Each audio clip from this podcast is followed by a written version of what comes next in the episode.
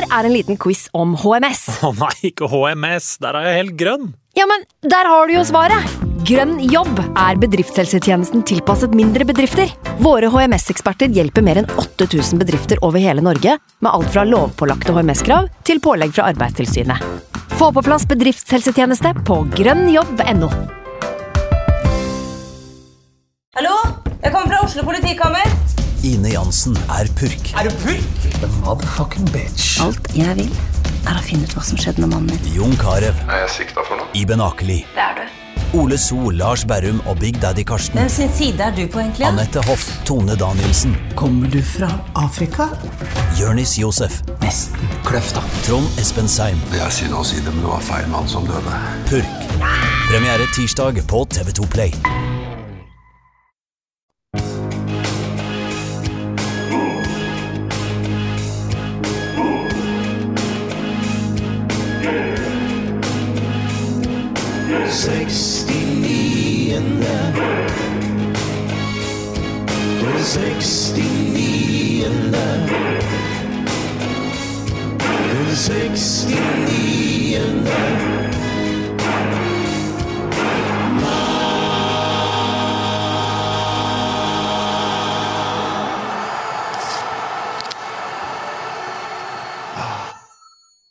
Da var det helg.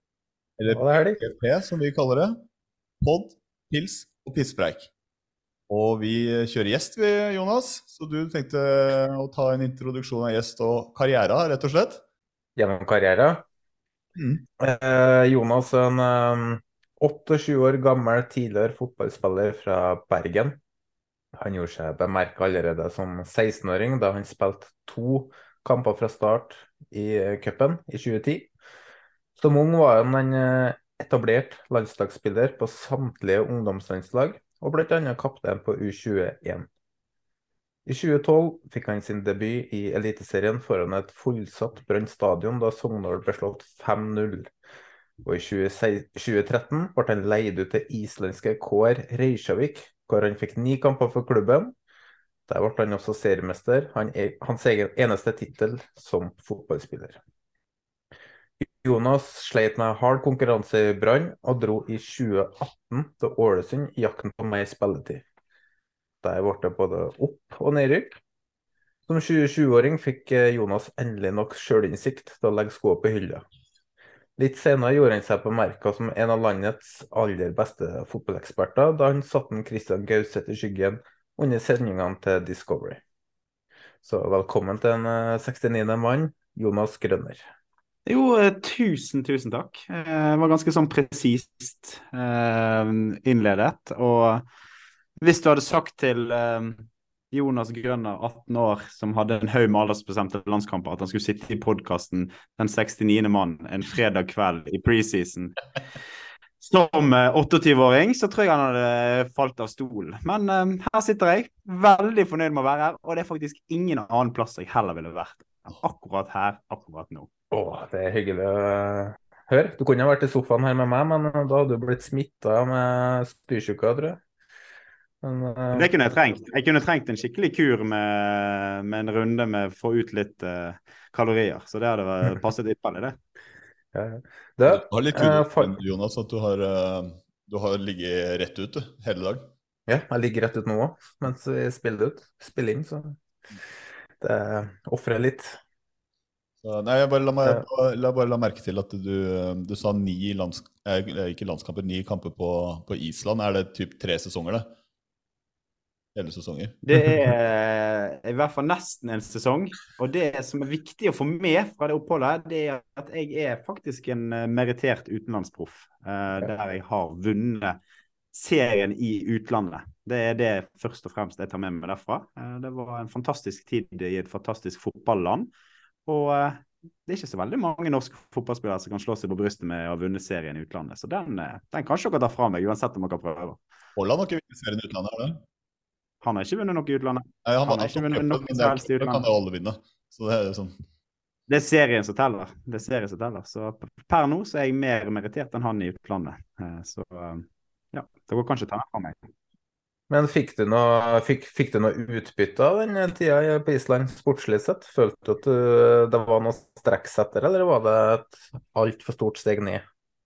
Nei, for det, altså, KR på den tiden var jo eh, et bra, bra nivå. Året etter, altså et halvt år etter, etter vi vant serien, så spilte de Europacup. Og da var bl.a. van Dijk på besøk der oppe og spilte med Celtic i Europacupen. Så, altså, det er jo et OK nivå, og det er nok topp Obos. Og for min del så var det mitt første møte med med seniorfotball eh, i et sånt rotterace som en serietittel kan være, da, der du må vinne hver eneste kamp for du ligger og, og, kniver. og Selv om jeg brukte resten av karrieren min på å, å unngå å tape, sånn at vi ikke skulle rykke ned, så var i hvert fall det en viktig erfaring for meg å, å få med meg eh, med eh, selv om det bare var ni kamper, så trivdes jeg veldig godt. og Jeg fikk flyttet ut, bodd på Island to måneder. Og som sagt, Island er et kult land der man, man kan dette her med idrettskultur. Så det, var, det er noe jeg er veldig glad for at jeg har opplevd. Var det noe personlig du vokste på også, med å på en måte flytte bort fra hjemmefra?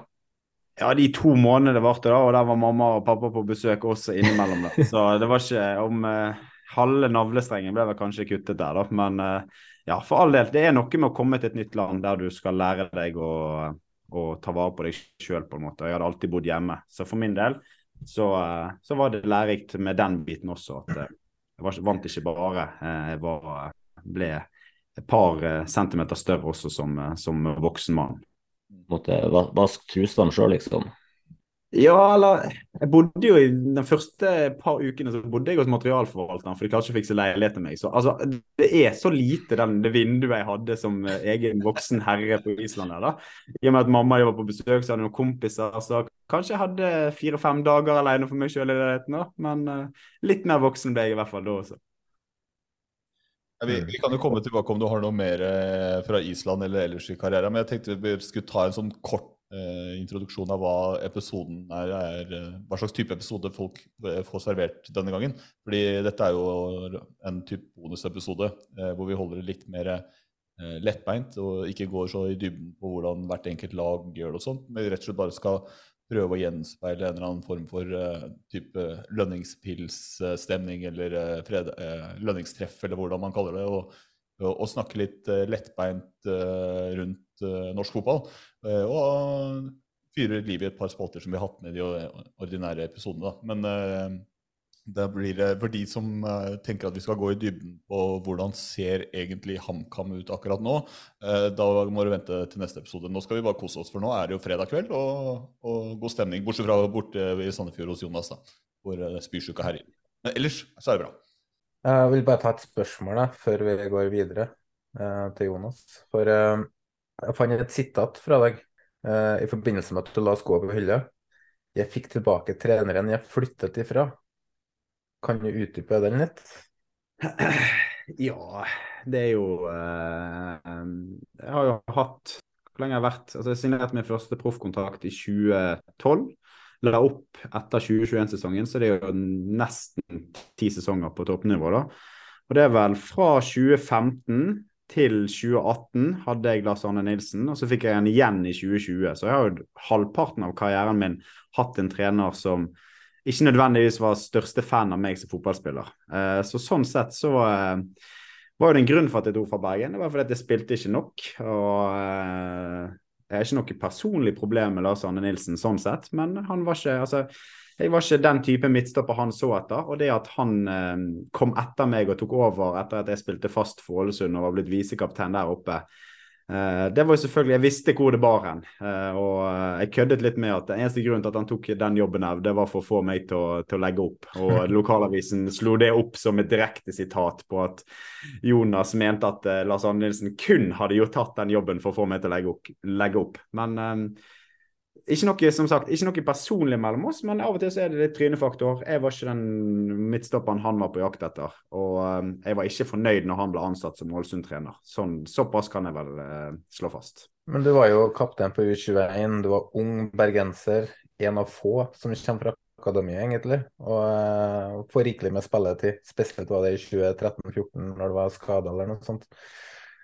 Hva var det som gikk gærent, da? For, for det, man kan jo si at forventningene til deg kanskje var at du um, skulle bli en av Norges uh, fremste stoppere. Og så ender du opp i Obos-ligaen for Ålesund. Er det, var det forventningene som var for store, eller har du noe, tenkt noe over det? Ja, altså jeg tror det er litt sånn todelt. da, altså Jeg kom opp som et bra talent. Jeg var ikke noe sånn blendende. og Det tror jeg nok sånn sett i ettertid. Det er mye lettere å reflektere over egen karriere når du har lagt opp. For da har du ikke den samme altså Fotballspillere er ekstremt sånn hva skal jeg si, selvhøytidelige. Og når du legger, i det øyeblikket du legger opp, så ser du alt med andre øyne. Eh, så for min del så ser jeg det at jeg var ikke noen sånn blærende fantastisk god fotballspiller, men jeg hadde noen spisskompetanser først og fremst i form av en bra pasningsfot, og så typen jeg var, ledertype. Det er en grunn til at jeg har blitt brukt som, som kaptein på diverse landslag. Ikke fordi jeg var den beste på laget på noen selvs måte, men jeg var en, en, type som trenere kunne sette pris på å bruke i et lag fordi at jeg var opptatt av å sette sammen et lag og få et lag til å fungere på best mulig vis. Og det var nok det Leif Gunnarsmerud så i sin tid på U21. Eh, og så hadde jeg eh, den beste sesongen min. Det var jo uten tvil 2016-sesongen, når jeg spilte riktignok som reserve for eh, Vadim Deminov og Bismar Acosta det året, men de var såpass mye skadet at jeg endte vel opp med å starte halvpart, rundt halvparten av kampene. Spilte veldig godt hele sesongen, og så var Vadim Deminov på utgående kontrakt. Um, og det er jo da eh, jeg tenkte at nå er det min tur. Nå skal Brann satse på meg. Jeg har hatt en god sesong her. Nå er det virkelig eh, muligheter her. Og så ender Brann opp med å signere Vito Wormgård på en svær kontrakt for Ålesund. Eh, og det burde jeg tatt som et direkte signal. Jeg gjorde vel egentlig det, eh, og burde pakket sakene mine og dratt av gårde og sagt at nå må jeg dra en annen plass og få spille fast fotball, for at jeg kommer ikke til å gjøre det i Brann. Men så var det en sånn iboende jævel i meg som hadde så lyst til å spille fotball i Eliteserien for Brann og være en viktig del av et bergensk eh, flaggskip der nede, som gjorde at jeg ble sittende nede på benken i eh, en og en halv sesong til, til før, jeg, før, jeg, dro ut. Eh, og Da ble liksom litt av momentet mitt ødelagt der, med, med altfor lite spilletid. Og så brukte opp mye av den tiden som jeg burde brukt på å spille fast, regelmessig fotball. Så Sett tilbake, er det én ting jeg angrer på, så er det at jeg ikke dro fra Brann eh, etter 2016-sesongen idet de signerte Vito Wormgård. Og ditto, eh, eller i tillegg, angrer jeg på at Eller jeg er litt sånn, ikke bitter, men jeg skulle så gjerne ønske at Brann kunne gitt meg den muligheten den 2017-sesongen, og sett hva det kunne eventuelt blitt. da. Men du kan også se på det sånn her, da, at uh, du kunne ha spilt uh, fotball fortsatt for Start, sånn som Vito Wormgård istedenfor å sitte her med oss på en fredag. Så jeg vil jo si du har vunnet til slutt. på en måte. Ja, ja, ja, uten tvil. Og det var litt av greia. Altså, når jeg da velger å legge opp i en alder av 27 år, eh, så er det jo fordi at for meg så var det å gå fra Brann Da gikk jeg et hakk ned når jeg gikk til Ålesund. Fordi at Brann er eh, det største for meg i, i Norge, og det min, var min barndomsdrøm. Jeg hadde vokst opp med Brann. Kuleste. altså Hvis du hadde gitt meg Det eneste som kunne fått meg til Premier League, var at uh, jeg hadde tjent mer penger. Ellers hadde det vært kulere for meg å spille Brann. Hadde du gitt meg 30 millioner for å spille Hevet over enhver tvil, du er Brann-supporter. Ja, det Altså, jeg er bergenser. Selvfølgelig er jeg Brann-supporter. Hvis du hadde gitt meg 30 millioner for å spille i Ja, den kan vi legge død. Hvis du hadde gitt meg 30 millioner for å spille i Bergen eller spille i Premier League, så hadde jeg valgt Bergen, for det syns jeg er mye kulere. Enkelt og greit. Eh, så um, for meg var det et steg ned å gå til Ålesund. Uh, og så viste det seg at det var fantastisk, for jeg fikk komme opp der og spille fotball. Og der fikk jeg en liten sånn aha-opplevelse at kult, det var et dritkult miljø. Jeg fikk spille fotball. Det var kanskje hakket bedre. Uh, og så spilte jeg fast der i to år, hadde en eventyrlig 2019-sesong der vi slo poengrekord og hadde det fantastisk. Og så ditto jævlig 2020-sesong der alt gikk til helsike med Ålesund. Eh, men jeg spilte i hvert fall fast fotball halve sesongen, de 16 første kampene. Eh, da spilte jeg hvert eneste minutt i en sesong som var veldig komprimert, så jeg spilte jo kamper annenhver dag omtrent. Og så eh, den 17. kampen startet jeg på benken, og da var det Lars Arne Nilsen som hadde tatt over som trener. Så det ble liksom begynnelsen på slutten. Og jeg var liksom ikke klar for å ta det steget ned enda et hakk ned, da, for det var det som var realiteten. Altså, hvis jeg, når jeg gikk ut av kontrakt i Ålesund i 2021, så kunne jeg sikkert fortsatt karrieren sånn middels fra Obos-nivå. Kanskje jeg hadde fått napp i en eller annen eh, Hvis jeg hadde sittet og ventet utover fjorår, eh, fjorårsvinteren i en eller annen eliteserieklubb som et eh, backup-alternativ. Men jeg var ikke motivert for det. Da fant jeg ut at heller nok er nok. Jeg har to gutter som jeg kan følge opp i Ålesund, og så kan jeg heller begynne på livet etter fotball. For at eh, til syvende og sist så har den komprimerte fotballkarrieren min eh, gitt, eh, gitt meg veldig veldig masse. Eh, og jeg har fått oppleve mye av det jeg drømte om som, som ung fotballspiller. Da. Kjenner du noen ganger at det rykker i, i skolissene når du ser en ny Faktisk. altså nå, nå, nå, levde jo jeg i fjoråret med å være veldig tett på norsk fotball. da, Og gjennom fjoråret så var det bare én eneste gang jeg kjente det virkelig. Og det var når jeg var uh, på jobb for Bergensavisen i uh, Bergen. 16. mai, fullsatt Brann stadion. Uh, og da kjente jeg at faen, i dag skulle jeg heller vært ute på og spilt fotball her enn å sitte og, og dekke det for, for Bergensavisen. Men Eh, ellers så er det faktisk eh, ikke noe sånn voldsomt stort savn. Det er vel kanskje det at eh, som fotballspiller kommer du ferdig trent hjem fra jobb. Det er en fantastisk eh, gode man har som fotballspiller. Mm. Men ellers er det ikke så veldig mye mer jeg, eh, jeg savner, faktisk. Men du har jo, eh, kan jeg si på sånn, at du slapp å spille mot en Kasper Tengstedt? Apropos... Ja, jeg tør ikke tenke, altså, jeg hadde jo en egen tendens. De første, første sesongen min så uh, var det han uh, Eller så spilte jeg hver gang jeg startet, så startet jeg stortkamper. Jeg startet bl.a. mot Molde, uh, og da spilte jeg mot Angan. Da var han toppskårer der oppe, da skåret han. Så spilte jeg mot Tromsø, husker jeg. Ondrasjek. Han skårte selvfølgelig. Så ble det liksom en sånn greie at hver gang jeg spilte mot disse her som var litt het, så skårte de. Mm. Jeg klarer liksom ikke helt å tenke på hvordan det hadde gått hvis da Kasper Tengsted hadde spilt mot meg sånn som han var i fjor. Det hadde vel blitt 49 assist og 56 mål eller noe sånt. du hadde jo et uh, morsomt, uh, en morsom kom kommentar i et pauseintervju uh, fra Aspmyra. Du kan få låne fotballskoene mine, så kan du prøve selv mot dette laget her. Og det er jo kanskje blir jo stående igjen som det flest folk husker fra karrieren min også. Altså Når folk skal snakke om eh, fotballkarrieren min, så er det det folk husker. Eh, og det oppsummerer vel fotballkarrieren min greit også, at jeg er best husket for et pauseintervju jeg gjorde med Jonas Berg Johnsen. Vi var i ferd med å tape 7-0 mot Bodø-Glimt på Aspmyra. Så eh, ja, det det som mange ikke helt forstår der, det er jo det at jeg sier det med jeg, altså jeg er så, Vi er så langt nede der, og det, det, vi er liksom så langt unna at jeg sier det med med en stor porsjon humor, da. Men folk tror jeg sier det i sinne. Men jeg sier det egentlig bare fordi jeg syns det er et morsomt spørsmål, og vi vet at vi er sjanseløse utpå der. Eh, og ja, jeg syns bare det var eh, Han spør meg det, det, var litt uvanlig å få et sånn type spørsmål av en reporter når du er så på bunn som det Ålesund var på det tidspunktet der. Da tenkte jeg skulle gi han en liten, en liten godbit der. Så Altså, jeg, jeg, tok det som humor, men det er jo sånn at jeg er skrudd sammen. og når jeg ser på kanskje flere ting, ting du har uttalt deg om, så ser jeg på deg som en humoristisk karakter eh, og en slags humoristisk profil vi har mista i Eliteserien, da.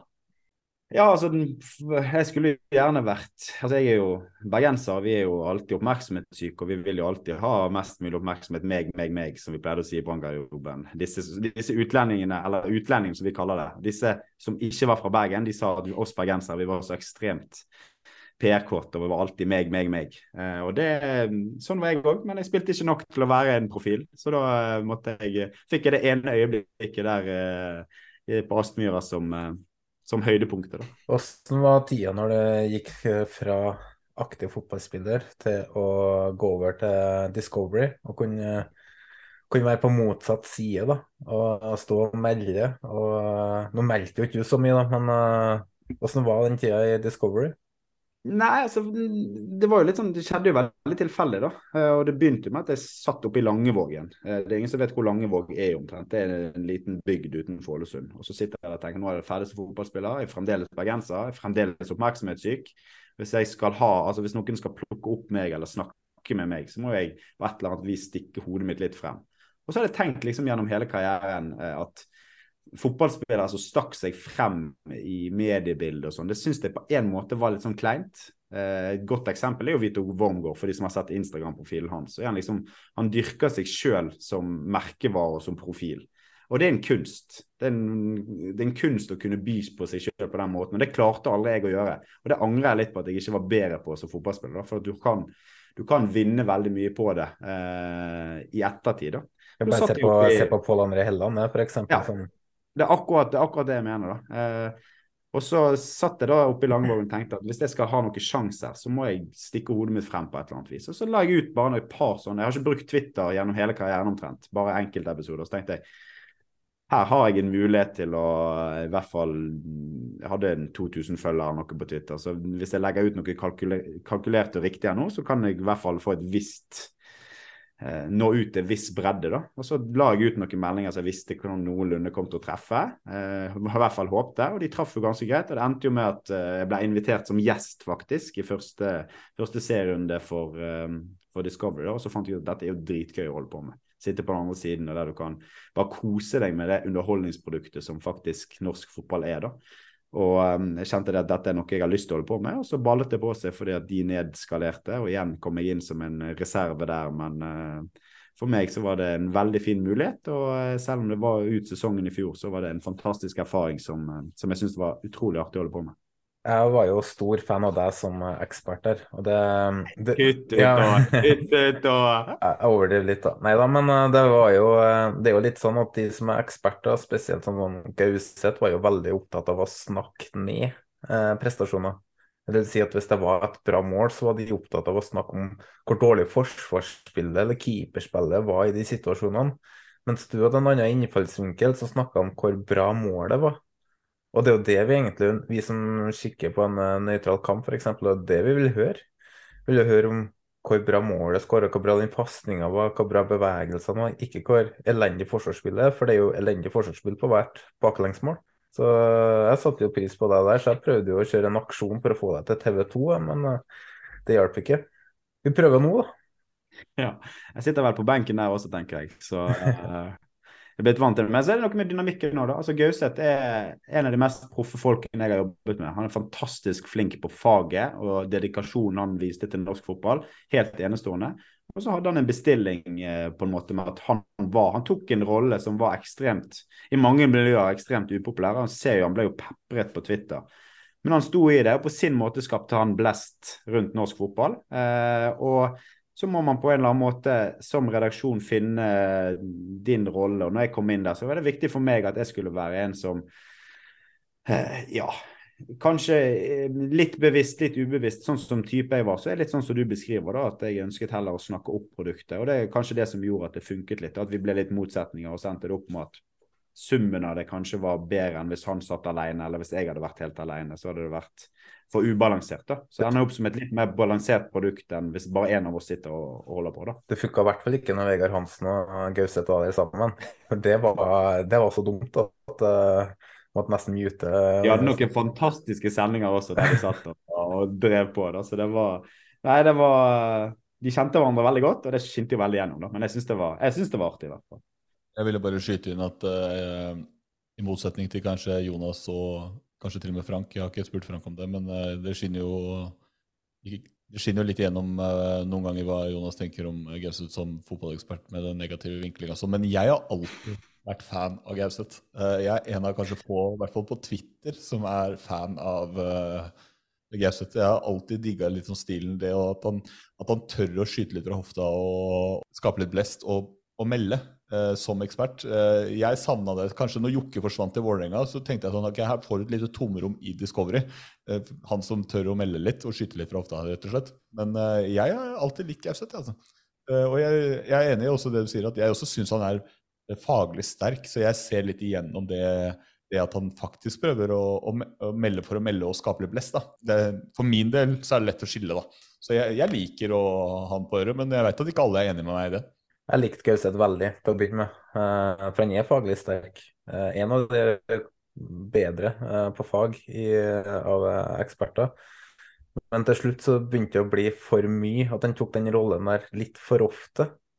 Jeg husker spesielt på starten i fjor, når han slakta Bodø-Glimt. Da kosa jeg jo meg fælt.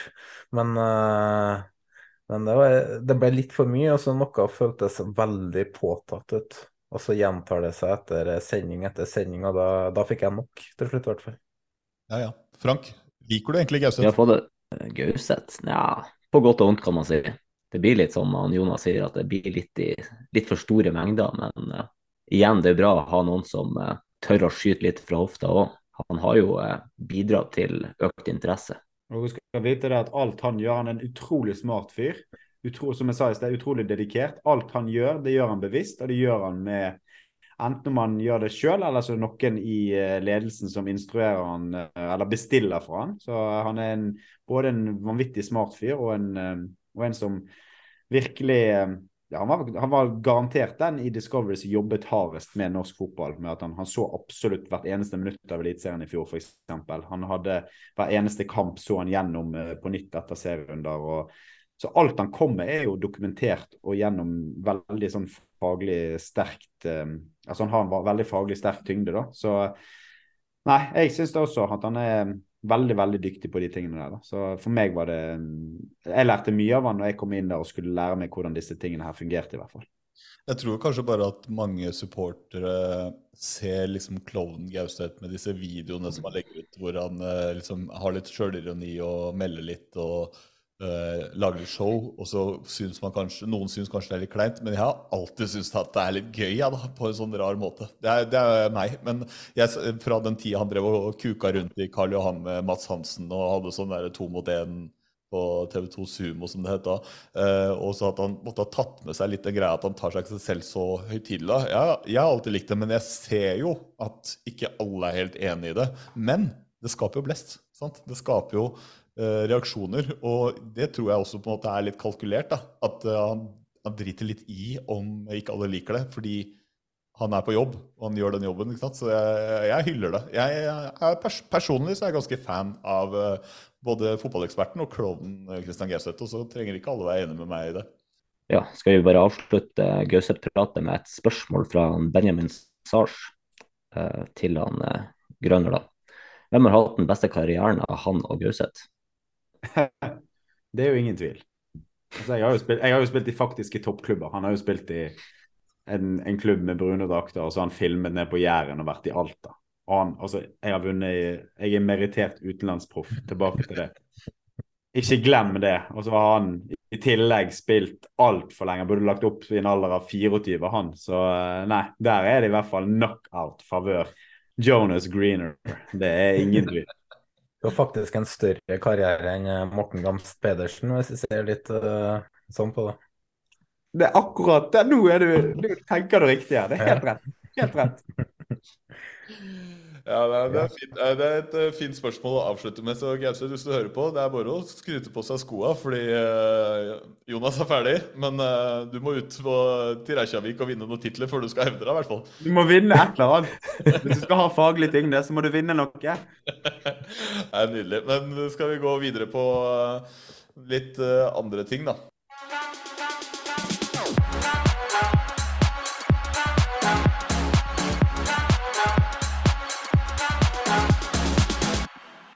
Yes. Jeg ble svett, da. Den uh, traff på fredag. Ja. ja, jeg gjorde det. Hørte det helt bort i Det er Kodal du bor i, Jonas? Bor i Kodal. Snakk ikke mer om det. Ja, men Det er greit. Men uh, vi uh, hadde tenkt å høre fra din hva vi kalte det, komprimerte karriere, Jonas. Rett og slett, Du har jo spilt med noen habile fotballspillere opp igjennom. og i både i Norge og i det store utland. Så tenkte vi du må vel ha en eller annen form for historisk drømmeelver som du kan uh, dra med deg uh, hvis du skulle spilt Hva heter det? Sånn derre Du spiller sånn Når du har spilt ti år i England, sånn, så får du en sånn Testimonial-kamp, ja. Testimonial, takk. Hvis du skulle spilt en testimonial og invitert en slags drømmeelver, da, hva andre slag?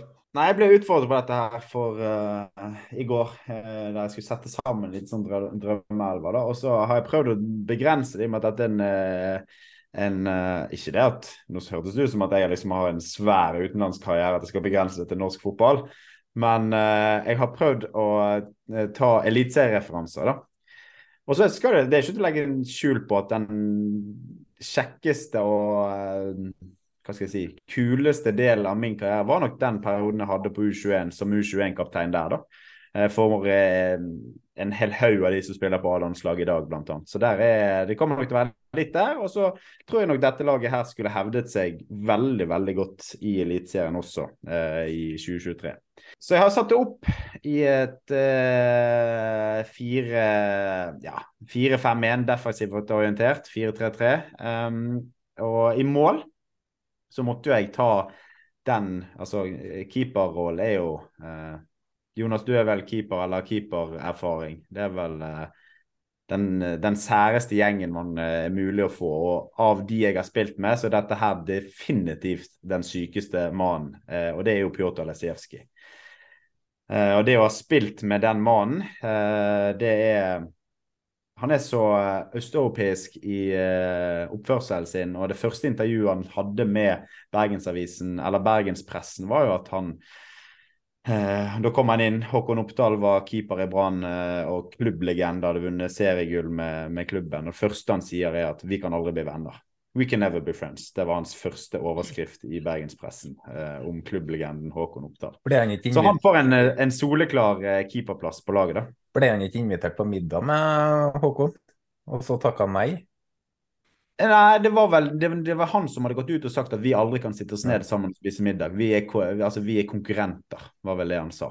Og jeg har vært i slåsskamp med han på trening. Eh, jeg ble etter hvert faktisk ganske god venn med han. Eller vi hadde eh, en del med andre og satt i nærheten av hverandre i garderoben og sånn. da. Og etter hvert så du forsto han, eh, så, så, var han artig. og Eh, på den tiden i Brann så var på eh, bonussystemet det var basert på at hvis du nådde x antall poeng, eh, det var vel 40 poeng på den tiden, i hvert fall i hans kontrakt, så ble det utløst en bonus per seier du hadde innenfor de 40 kampene. da.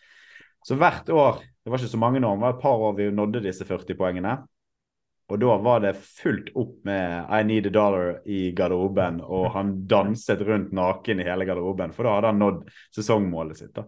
Så han var, han var en, kynisk, en, kynisk, type som var eh, fantastisk god å spille fotball. da. Helt vill én mot én, bl.a. Som, som keeper. Han var jo to meter over hoftene, så det var vanskelig å få ball forbi han. Men um, han har um, satt spor i, i, min karriere, i hvert fall, som en proff fyr som uh, som kunne nok fått en enda større karriere hvis han hadde vært litt, glad, litt mer glad i å trene, rett og slett. Jeg husker en, eh, et tilfelle med han, jeg tror det var mot Lillestrøm, når eh, ja. jeg tror Brann skåra på en dropp, en mjelle, kan det stemme? Og så skulle eh, Brann la Lillestrøm få skåra. Bare springe rett fram og skåre, og han prøvde å hindre målet. Han var altså så forbanna. Og det var jo det Mjelle skulle skyte ball tilbake til, til Hvem var det som sto da, da? Magnusson, kanskje? Ja, det, ja, det kan jo stemme Island. Ja. Som sto i mål, og han så spretter ballen på 16 meter over han inn i mål. Og så blir vi alle enige om at ja, vi, selvfølgelig skal vi la Lillestrøm skåre. Alle unntatt han. Og han var fy forbanna. Han gikk all in for å redde. Det var rett før han felte han, og da måtte jo dommeren i et rødt kort. Mm. Så det var like før. Og så kommer han Magnusson inn i garderoben etter kampen. Da. Så vil han bare takke alle sammen for at han hadde drevet seg ut. Han vil takke og fremdeles da, det klikket det for eh, Pjotr. Han skjelte han ut og at han kunne holde på på den måten. og Han hadde sluppet inn et mål pga. at han var så elendig og helt fly forbanna. Så det var eh, hele seansen der, og spesielt det at han var så forbanna selv etter kampen. Han var like lynings etter kampen, og det var, det var dritkult. Mm. Uh, videre til høyreback. Uh, der tar jeg en meget solid kar som jeg tar med kun for å vise mine egne voodoo-skills, som at jeg kan fortelle den uh, historien. Og det er den godeste Birke Mars Everson. for du Jonas, du husker han kanskje når han skåret to mål mot Rosenborg på Lerkendal? Nei, jeg glemte det. Jeg glemte. Aldri. Det skjedde aldri. Nei, tenk at Birke Mars Everson skåret to mål mot Rosenborg på Lerkendal. Det er jo en prestasjon i seg sjøl. Men han var fantastisk fyr. Bra høyreback norsk, eh, i norsk målestokk. Og så er han med på laget rett og slett for at 16. mai 2013 eh, Jeg vet ikke om dere husker Birke som person. Altså, han var jo rask, han var fysisk, men han var jo ikke noe teknisk vidunder. Og han var veldig høyrefotet. Og så ligger han på fysiobenken før kampen eh, og får behandling. Uh, og På den tiden var jeg unggutt, jeg skulle ikke starte. Jeg satt på, på, benken, men jeg likte å ha litt gøy med disse andre spillerne. Så gikk jeg inn, så satt han der mens han fikk behandling. Så tok jeg tre teipbiter, og så limte jeg de på forskjellige plasser på leggen hans, venstrefoten hans. På venstrefoten til høyrefotede og høyrebekken Birkemar Serversen. Så sier jeg til han, og dette er første gang jeg gjorde det, så sier jeg dette kommer til å bringe lykke i dag. Og etter 52 minutter i den kampen Birke Mars Everson med venstrefoten setter 2-0 for Brann, og Brann slår Ålesund 2-0 mot eh, nei, 16. mai. Så det, at det i det hele tatt er mulig, det er den mørkeste form for magi at du klarer å få Birke Mars Everson til å skåre med venstrefoten. Så han er med kun pga. den historien. Teipa du noe kamp etterpå, eller? Ja, jeg gjorde det. Jeg gjorde dessverre det. Det skjedde aldri igjen. Jeg skulle gitt meg på topp. Det burde jeg. Uh, videre Uh, høyre stopper, Bismar Costa. Og det er kun fordi at jeg er redd han. Han var livsfarlig, og han hadde biceps på størrelse med mine lår. Og hvis du fikk ballen når han var ute på feltet, så var det, da var det egentlig bare å, eh, å gjemme seg. Du, folk var livredde rett og slett, for at han var så kompromissløs i taklingene. Og om dere husker han når han drev på, spesielt i Obos-ligaen. så var det, Han hadde en periode der han visste at kameraet ikke var så gode i Obos-ligaen, så han drev og eh, omtrent slo ned folk når kamera, eller når spillet var helt på andre siden. da. Så jeg tror det var opprykkssesongen 2015 der han hadde x antall situasjoner der folk dundret i bakken mens spillet var helt på andre siden av, eh, av eh, Så han lagde en helt sånn egen eh, karriere ut av det at folk ble livredde. Jeg vet ikke om dere husker det? Nei, jeg husker ikke det, men jeg husker på at han var, var redd for Rosenborg-spillerne når det kom i i dueller med han, for han var steinhard, altså. Ja, han var, han var rett og slett livsfarlig. Uh, videre venstrestopper, da. Uh, og det er min gode mann. Uh, kanskje litt overraskende, men Oddbjørn Lie. Venstrestopper på laget. Ålesund, tidligere HamKam Ålesund-spiller, spilt for Hødd. Og Han er med fordi at um, i 2016, når vi med Brann skulle opp og spille mot Ålesund hadde, var nyopprykket, Obos-ligaen. Lars Arne Nilsen hadde vært trener for Hødd tidligere. Trent Brann en halv sesong i Obos-ligaen. Så rykket han opp til Eliteserien.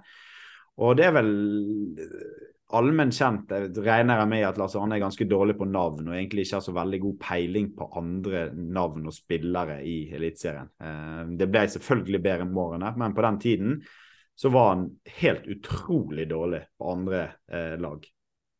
Og så kommer vi til eh, Ålesund. Det, det var før eh, Jon Arne Riise eller når Jon Arne Riise akkurat var begynt å spille igjen. Eh, Color Line var full fordi Jon Arne Riise var tilbake første kampen, så det var jo et naturlig samtaleevne. Men vi satt inn på Parken hotell og brukte 20 minutter av et 30 minutter langt spillermøte og snakke om Oddbjørn Lie, fordi det var en Lars Arne Nilsen hadde trent før. Så da visste han noe om den mannen for første gang i sin karriere i Eliteserien. Så da satt vi der altså og brukte 20, helt seriøst 20 minutter på det spillermøtet og snakke om Oddbjørn Lie og hans venstrefot. Og det er lite sånn stikk til Lars Arne, selvfølgelig, men også fordi det var artig at uh, endelig så hadde han en mann som, uh, som han kunne noe om, da.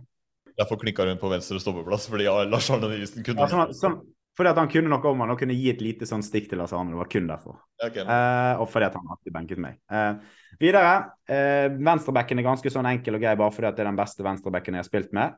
Birger Meling, U21-spilleren som nå spiller i Frankrike. Fantastisk god som blomstret på det U21-landslaget jeg spilte med, og en veldig bra fyr. Uten noe sånn særlig historie rundt han. Enormt Så, profesjonell. Det er flere fra Rosenborg-tida som sier at han er den desidert mest profesjonelle utøveren de har eh, jobba med.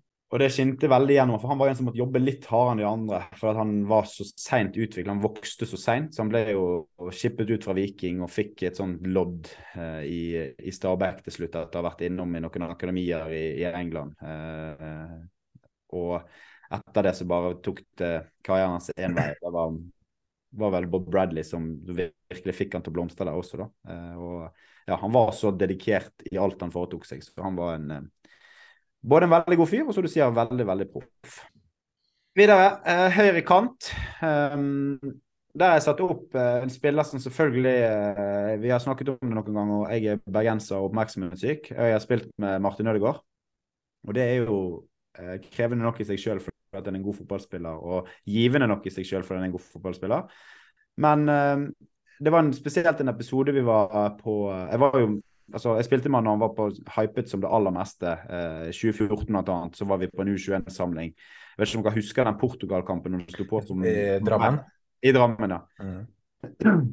Der, eh, der, spilte han, eh, og det var vanligvis på U21-samlinger så var det ikke noen journalister og sånn, men på den tiden så var det ja, det var en 35 journalister som var på U21-trening med det norske landslaget for, for, at de skulle ha en bit av han. da. Så det sier liksom bare noe om det trøkket han sto i på den tiden. Og bussen med oss spillere den gikk tilbake til hotellet mens han ble stående igjen i 45 minutter og måtte håndtere pressen som 15-åring eh, på et U21-landslag der alle andre er seks år eldre enn han. Eh, så det sier liksom noe om den, de utfordringene han har hatt underveis. da. Og det munner liksom mest ut i en, eh, en kamp vi spilte i Kasakhstan. Uh, da var vi dratt over der skulle spille en avgjørende kvalikkamp. Uh, og det var EM-kvalik. Og jeg var med eh, Leif Gunnar Smerud på en pressekonferanse, for det var vanlig eh, på eh, Altså det er en del av Uefa at man skulle ha sånne pressekonferanser. da. Og Det var en godt besøkt pressekonferanse for U21 å være. Det var kanskje en 20 journalister da, i, i Kasakhstan, og det er masse. Mm. Og da var jeg sendt ut som eh, representant for spillergruppen, da, fordi at uh, jeg var kaptein, og ja, da skulle jeg være med Smerud på den. Og jeg satt der, og Smerud tok første del av intervjuet, og så var jeg liksom over til, til spilleren.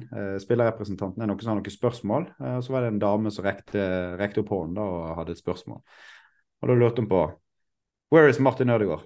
Det var det eneste spørsmålet jeg fikk på hele den pressekonferansen. Var, jeg svarte ikke på ett eneste ord, det var det spørsmålet jeg fikk på den pressekonferansen.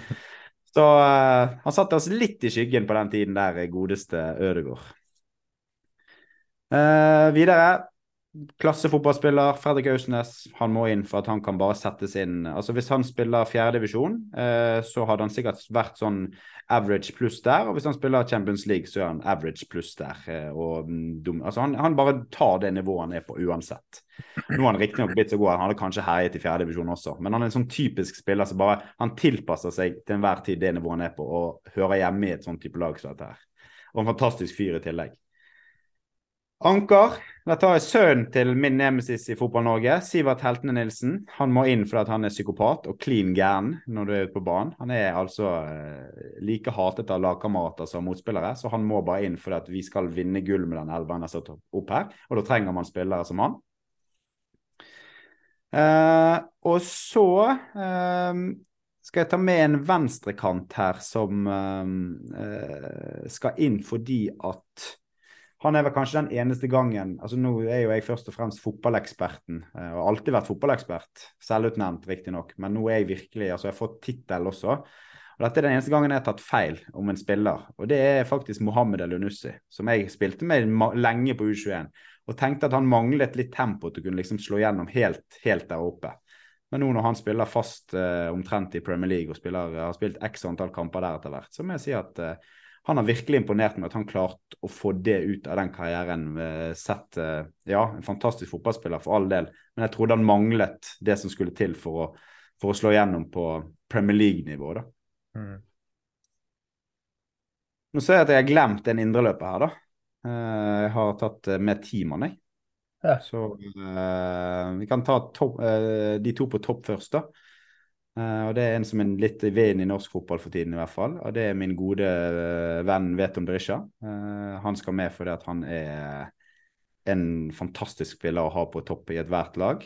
og hvis du setter han sammen med Alexander Sørloth, som jeg også har spilt med, den duoen der i Eliteserien, den hadde vært Det hadde blitt skåret noen mål der, for å si det mildt. Veton Berisha, den spilleren vi har snakka mest om i den poden her til nå. Ja. ja. Ikke positivt for deg.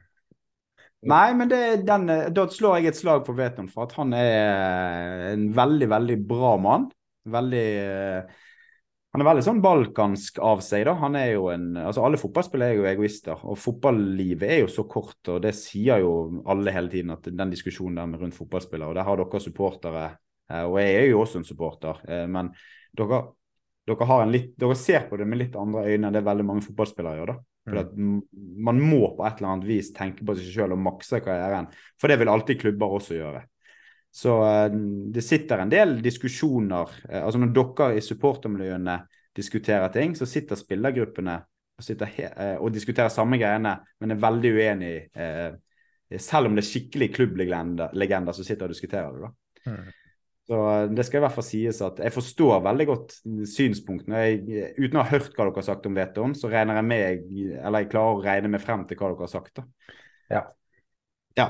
Så eh, jeg i hvert fall eh, syns at han er en, en, veldig bra mann, og han skal ha med på dette laget. Fordi at han hadde utfylt Alexander Sørloth eh, veldig, veldig godt. Og så kom han til benken, da. Der satt vi sjøl. Ja. jeg skal sitte på benken på dette laget. Der passer jeg fint til. Lars Arne Nilsen som trener, eller? Lars Arne, ja, Lars Arne Nilsen som trener, meg på benken. Så eh, Da hadde vi tatt gull med dette laget. Selv med ti mann. Jeg mangler én, da. Men så Du sa Sørloth, så du har jo 4-4-2-lag, da? Det var det jeg tenkte òg. Jeg har jo fire ja, jeg, Så, for jeg skrev underveis. Ja, ja, ja, ja, ja, det er jeg som fin- det er jeg som tuller. Jeg har fire. Jeg telte gjennom dette i sted. Det var elleve, da. Men så trodde jeg oppi hodet mitt at jeg hadde satt opp i 4-5-1. Mm. Men jeg har jo satt opp i 4-4-2. Ja. Ja, det- Men uh, Berisha spilte jo litt kant i uh, Bergen, så det Ja, jeg har satt opp 11. Det er 11 mann. Det er 11 mann. Det er, jeg sa bare indreløper på Ørsnes. Han skal spille sentral sammen med Sivert. Bra dere følger med. Det er Bra dere har kontroll på meg. Og deg sjøl på benken og Lars Arne Lise som trener. Men uh, hvis en, av, en av gutta blir skada, så kommer du inn, da. Det spørs hvem som går ut, men jeg, jeg vil helst ikke spille. Jeg vil helst sitte på benken bak Lars Lars Arne Nilsen. Det er der jeg trives aller, aller best. Jeg tenker at det er. Aursnes ryker. Han får en kjenning etter fem minutter, og du må inn og spille 85 minutter på sentral midtbane. Ja, ja, men jeg, altså, jeg har spilt litt sentral også, så eh, kapasiteten er der kanskje ikke nå, men eh, Nei, jeg tror vi holder meg mest mulig på benken. ja, nei, men eh, da fikk vi jo elveren. Den ser jo ganske bra ut. Det var det var jo en del eh, brann i starten, følte jeg, og så tok det seg eh, opp med spillere fra andre tok, tok seg opp. Det var viktig å si. Vi har jo snakka mye om Veton, og jeg vil bare si det at vi har jo ikke snakka om fotballspilleren Veton i negativ forstand, for der har Jonas eh, eh, faktisk slått et slag for Veton, at han mener at han er en eh, eh, fantastisk fotballspiller. En av, en av Europas beste presspillere. Men han, han nevnte det at han eh, skulle sitte på benken og se ryggen til han Lars Arne, Arne Nilsen. Eh, så det er jo et spørsmål der da fra at Tikka Mosala. Hva var verst? Eh, rykke ned med Nordling, eller alltid se ryggen For min del så var jo nedrykksåret gjennombruddssesongen min, da. Så det var jo året jeg spilte 21 kamper for Start for Brann eh, og levde guttedrømmen min. Og selv om det var en tung bør å bære å rykke ned for første gang på jeg vet ikke hva det var, 28 år eller noe vi gjorde, eh, så eh, var det en fantastisk sesong. Og Rikard Nordling han eh, la sin elsk på meg av en eller annen merkelig grunn. Der han, eh, han sto i det og rykket ned av den grunn. Eh, så jeg stortrivdes 2014-sesongen, eh, virkelig. Så eh, det var definitivt verst å sitte og se på ryggen til Lars Arne Nilsen.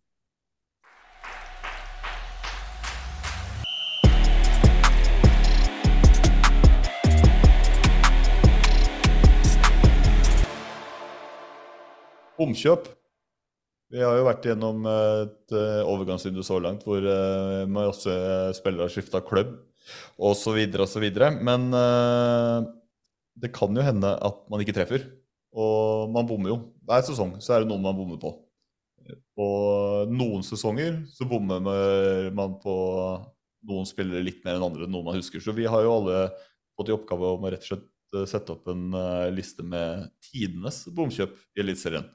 Så jeg tenker jo at vi bare rett og slett går uh, runden og lanserer et navn, og så diskuterer litt, og så ser vi hvordan det utvikler seg. Så Ja. Frank, kan ikke du begynne, for du er oppe til venstre, og så går vi runden derfra. Ja, vil starte med en eh, tidligere profilert eh, Premier League-spiller som plutselig dukker opp i Norge. Eh, ganske ut av det blå. Eh, han kom gratis til eh, start, men han kosta sannsynligvis noen kroner i lønn, så jeg tror ikke det var en billig poste der. Eh, Nigel Rio Cooker kommer til eh, start når de ligger i Obos. Eh, han får tre kamper for klubben totalt. To i Obos og én i cupen. Han har på CV-en sin nå så har én seier mot Florø, en uavgjort mot Levanger og et tap mot Flekkerøy. Det skal sies at vi har eh, forskjellige kriterier, da. For eh, vi sa at eh, man lager sine egne kriterier her for hva som skal til for å komme på laget, og så diskuterer vi etterpå. Skal vi få eh, Jonas Aune Sunde, da? Jeg kan ta tredje, han er her på tredjeplassen. Eh, Njogu Demba Nyren kosta Brann 1,2 millioner euro når han gikk fra Esbjerg til Brann i 2008. Han fikk to sesonger, 16 kamper, 3 mål og 1 assist. Han hadde målpoeng per 252 minutt. Og da har jeg lagt vekt på prisen, på 1,2 mil på den tida der. var vel det, det kanskje 11 millioner, som var mye penger i norsk fotball i 2008. Ja, det var med brannhjerte. Det er et skikkelig skikkelig mørkt kapittel i Han skulle inn og erstatte Torstein Helstad, det må jo Mm. noteres her. eh, At han ble hentet som direkte erstatter for Torstein Helstad når han gikk eh, til, til Frankrike. Så Nei, han står igjen som en liten parentes. Og, eller, han ble jo på en måte litt uthevet uh, i og med den prisen. Det var vel snakk om ti millioner på den tiden, tror jeg. Uh, hvis ikke jeg husker helt feil, men uh, dette er kult. Jeg, mener, jeg mener jeg husker debuten hans. Jeg lurer på om kan ha blitt 2-2 Lillestrøm-Brann, tror jeg. Jeg lurer på om kanskje han skåra i den kampen. Hvis jeg ikke tar helt feil. Her, ja, det, det er godt. Jeg, jeg, er best på Eliteserien etter 2010. Uh, eh, så jeg husker jo selvfølgelig disse tingene her, men det var jo bare en liten baby på den tidspunktet, så ja, det, det, var, det, var, mye penger. Hm? Nei, Da vil ikke jeg bruke for mye tid på, på, den, jeg heller, for jeg har også han på lista. Uh, så ja. da vil jeg ha notert meg samme nettopp pris, og så 16 kamper, tre mål, og dette med at det skal være en Helstad uh, erstatter. Det, det er blytung uh, statistikk å dra fra mm. Bergen med. Det er det. To stykker med samme, det er jo imponerende i seg sjøl. Det sier jo litt om uh, den handelen, da. Mm, absolutt. Du har nikket, eller? Jeg er ikke han, uh, men min første, da. Hvis jeg, har tenkt litt annerledes enn dere. Uh, og Um, jeg, skal, jeg, har ikke rangert disse her, og det er kanskje ikke ja, om det er tidenes bomkjøp jeg har valgt ut her, men jeg har i hvert fall valgt noen som jeg kan fortelle litt historie om, da, uh, som jeg har spilt med sjøl. Eh, så igjen tilbake, du sa litt forskjellige kriterier. Her er i hvert fall mitt kriterium, og dette tror jeg må være den som er den største bommen Brann har gjort. Sett pris i etterkant, og det er en spiller som heter Oman Jasse. Han spilte eh, for Brann, eh, ble hentet vel i 2012, eh, vinteren 2012. Utover sesongen fikk han kanskje et par innhopp for A-laget til Brann. Han spilte litt andredivisjon for, for Brann 2 sammen med meg den våren der. Endte opp det siste han gjorde, var å spille én omgang for Brann 3 i fjerdedivisjon. Uh, før han ble tatt av, for han var så jæklig dårlig. Uh, og det skal også sies at han uh, skrudde av knottene sine på skruknottene og spilte uten knotter ute på Brann stadion uh, på en trening. Hvorfor han gjorde det, det er det ingen som fatter. Men han satt i garderoben før vi gikk ut og skrudde av alle knottene. gikk ut på Det altså det blir jo en, helt, en underside på en fotballsko som er helt tom. Det er glatt. Det er glatt. og så skal det også sies at han brukte som oppvarming til Brann 2-kamper, så satt han i badstue Eh, og gjorde seg klar til kamp. Der inne satt han og sa at ja, her inne blir jeg varm. Eh, så det var hans oppladning. Eh, og så når han senere går til, til Everton for, via Tyrkia til Russland og ender opp med å gå for 200 millioner kroner til, til Everton, så er det bomkjøp, eller en bominvestering av Brann uten like. Jeg var jo innom han, men uh, sammenligna med Nyren, da, så hadde jo Nyren en fryktelig karriere etter tida i Brann. Altså, jeg gikk gjennom og kikka klubbene og statsen hans. Det var så dårlig, da. Mm. Mens, uh, mens han, han eh, Nias, Nias han hadde jo faktisk en veldig fin karriere etterpå. Og da tror jeg mer at Brann som bomma i måten de fikk integrert han på. Det var det som var kriteriet mitt, og det var derfor jeg tok han med. For at vi klarte å få så litt ut av rå, den råskapen som tilsynelatende lå der. Han var jo vel toppskårer i Russland på et tidspunkt, og du går for 200 millioner. Så, så burde de fått noe mer ut av han. Han bytta han ut i Brann 3-kamp eh, borte mot Lyngbø en varm, junidag i, i Bergen. Mm. Skal jeg ta så slenge inn en av de eh, på lista jeg, da, som ikke var eh, den var som du hadde, Jonas. Men eh, jeg måtte jo Jeg gikk første tanken min var Vålerenga har hatt mye rart altså, opp igjennom. Og det var jo en periode der på tidlig 2010-tallet hvor Vålerenga spydde ut litt penger her og der og skulle prøve å hente veldig mye fra utlandet. Så det var veldig det var veldig 50-50 hva vi fikk levert på banen. Eh, og så plutselig kom jeg over navnet som jeg husker jeg fikk veldig store forhåpninger til når han signerte. Og det var Sidoin Ozo. Eh, han eh, Eh, ble solgt inn eh, fra da Stig Torbjørnsen, som hadde anbefalt denne spilleren til eh, Vålerenga som det råeste talentet han noen gang har sett i Afrika. Og selv så beskrev han seg selv som en spiller midt mellom Eto og Drogba. han, han endte på to kamper for Vålerenga på tre år. Null mål. Han var spiss og to gule kort. Han fikk ett gult kort i hver match, og det var det han gjorde. Vålerenga hadde jo Vålerenga hadde jo flere fine her. De hadde jo en Milos Mirkovic. Ja. To kamper for Glimt. Kostnad, nei, for eh, Vålerenga. Kostnad på 3,6 mill. Ryktene, eh, ryktene som sa at eh, Vålerenga egentlig kjøpte en annen spiller, men ble lurt pga. vanskelige serbiske navn. Ja, fantastisk. Nei, altså, Da ble jo lista mye brått kortere, men uh, Vålerenga har hatt uh, sine episoder. Men uh, en litt sånn som kanskje har vært underkommunisert, er Sidoa Ozo. Uh, så jeg vil slenge navn. To matcher, null mål, to gule. Aldri hørt om. Men eh, Frank? Ja, eh, min neste er at jeg må jo skyte litt mot Molde. Eh, I 2007 så var de i Obos-ligaen, og det må, bare, må de bare rykke ned igjen. Men eh, de kjøpte da han Mariel Balvinson, som hadde vært eh, ute i Belgia og vært skadeplaga, Dro tilbake til Island, fått eh, bygd opp karriere igjen. Så henta Molde han som spydspiss for å rykke opp fra Obos-ligaen. Eh, og summen er ikke stor, det er bare to millioner de har betalt for. Men i kontrakten hans sto det at han skulle slippe å trene. Og han, han ender opp da Molde rykka opp der året, men han ender opp som den sjette mest skårende spilleren til Molde i opprykkssesongen, som spydspissen deres. Så, men uh, den, den jeg tenker på er det største bomkjøpet for Molde, er Clayton Sane. De kjøper han for uh, 4,5 millioner, 14 kamper, null mål. Selges til LSK for en halv million, og LSK selger han for over 20 millioner til Anderlecht. Ja. Jonas? Ja, og så er en, er to navn igjen. da. Den ene er et navn som er litt sånn som Frank sin første. En sånn spiller som har spilt i Premier League og så plutselig dukker opp i eh, Eliteserien. Og det er Jordan Much, som var eh, med oss i Ålesund i 2020.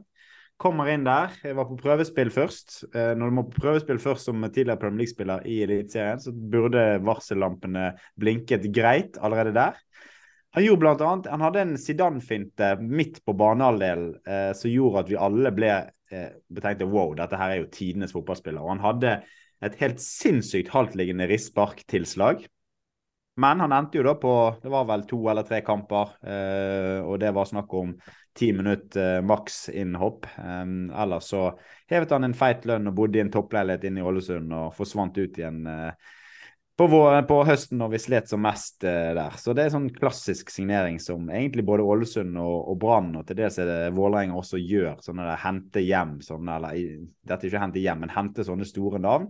Du kjøper det litt tid for supporterne, det blir litt sånn uh, wow, dette er kult. Som klubbleder henter en sånn kult navn, og så ender man opp med å bare floppe totalt, som egentlig var skrevet i stjernene kom til å skje fra første stund.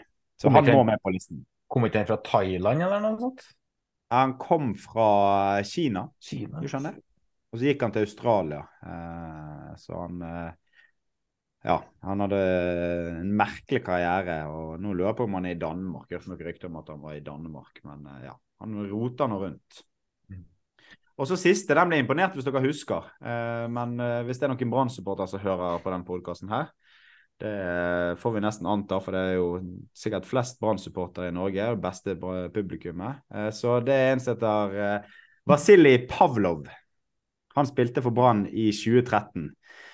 Typ 1,95 høy, skulle hente som en sånn spydspiss som skulle være oppspillspunkt. Eh, og der tror jeg også, tilbake til det vi snakket om i sted, med spillere som blir forvekslet pga. navn borti eh, i eh, østblokkland.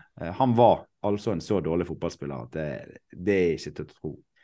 Spilte, Skåret ett mål, spilte vel kanskje en eh, åtte Dere hadde jo veldig nøyaktige tall her, da. Jeg har bare tatt fra eget hode her, så jeg husker ikke akkurat hvor mange kamper, men det er kanskje en åtte-ti kamper den sesongen. Skåret ett mål. Det var i cupen mot Hovding, når Bård Finne skåret fire mål. Han fikk ett mål, vi vant 13-0. 14-0, og han skåret på straffe. Da syntes vi så synd på han at han måtte skulle få ta en straffe, og den klarte han heldigvis å skåre på. da. Men det er en så svak fotballspiller at det er helt ufattelig at han ender opp i en så stor klubb som Brann. Det er et agentarbeid ut av en annen verden. Eh, Så det er noen sånne eksempler opp igjennom. Jeg må bare legge til i den kategorien med store navn som eh, sportssjefer henter for å sette litt fyr på supporterne. Jeg vet ikke, De var på lista mi. Og for å redde sin egen ræv. Ja, Men eh, husker du eh, når Lyn signerte Mathias Almeida? Ja. ja. Som da hadde 35 landskamper eller noe for eh, Argentina og hadde en karriere blant, hvis jeg bare leser opp kjapt her, Sevilla, Lazio, Parma, Inter, Breccia. Eh, og så var det litt på hell i Breccia osv. Men eh, det er store klubber har spilt for å komme til Lyn og spilte to matcher i 2007.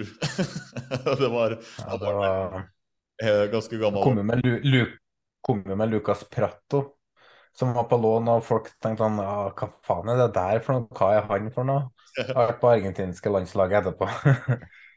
så altså, er jeg tar mine to Jeg skal bare si at Det var noe sånn navn, men jeg må bare slenge til. Jeg har også Milo Smirkovic selvfølgelig på lista. Uh, ifølge uh, den Twitter-brukeren Vegard Vålerenga-supporteren som har uh, skrevet 40 000 kroner per minutt kosta Vålerenga.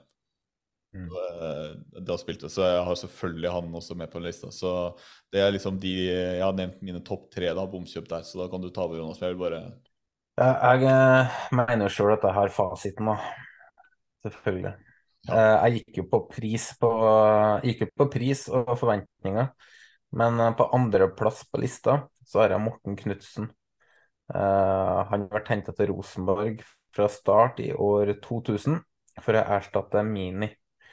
Eh, prisen, og da minner jeg på at det er i år 2000. Det var seks millioner. Og, skulle, og, Start skulle få to millioner per 20. kamp han spilte. Og han fikk faktisk 55 kamper, så han ble kostende 10 millioner. Og uh, han var ikke veldig god. Og Selv som tiåring så kunne jeg sitte og lure på hva faen er det der for noe. Uh, så han er regna som største bomkjøpet til Rosenborg gjennom tidene. og det det var to ting, da. Det er prisen og, at den skulle erstatte Mini. Um, men på førsteplass den, den, Han tenkte ikke på før jeg begynte å gå gjennom alt, men det er jo Veigard Pall Gunnarsson. Fra Stabæk til eh, Vålerenga. Nå står Snorre og tar seg til huet her. Ja, Men listene våre er jo kliss like. Det er det som er problemet her. Altså, du har Pall? Ja, også Veigard Pall Gunnarsson. Selvfølgelig har jeg Veigard Pall Gunnarsson. Uh, hvis jeg ikke husker feil, så er det vel en 13-15 millioner som han kosta i norske kroner på den tida. Nei, det var markedsprisen. For her, uh, jeg gikk inn og så oss i gamle artikler på den her.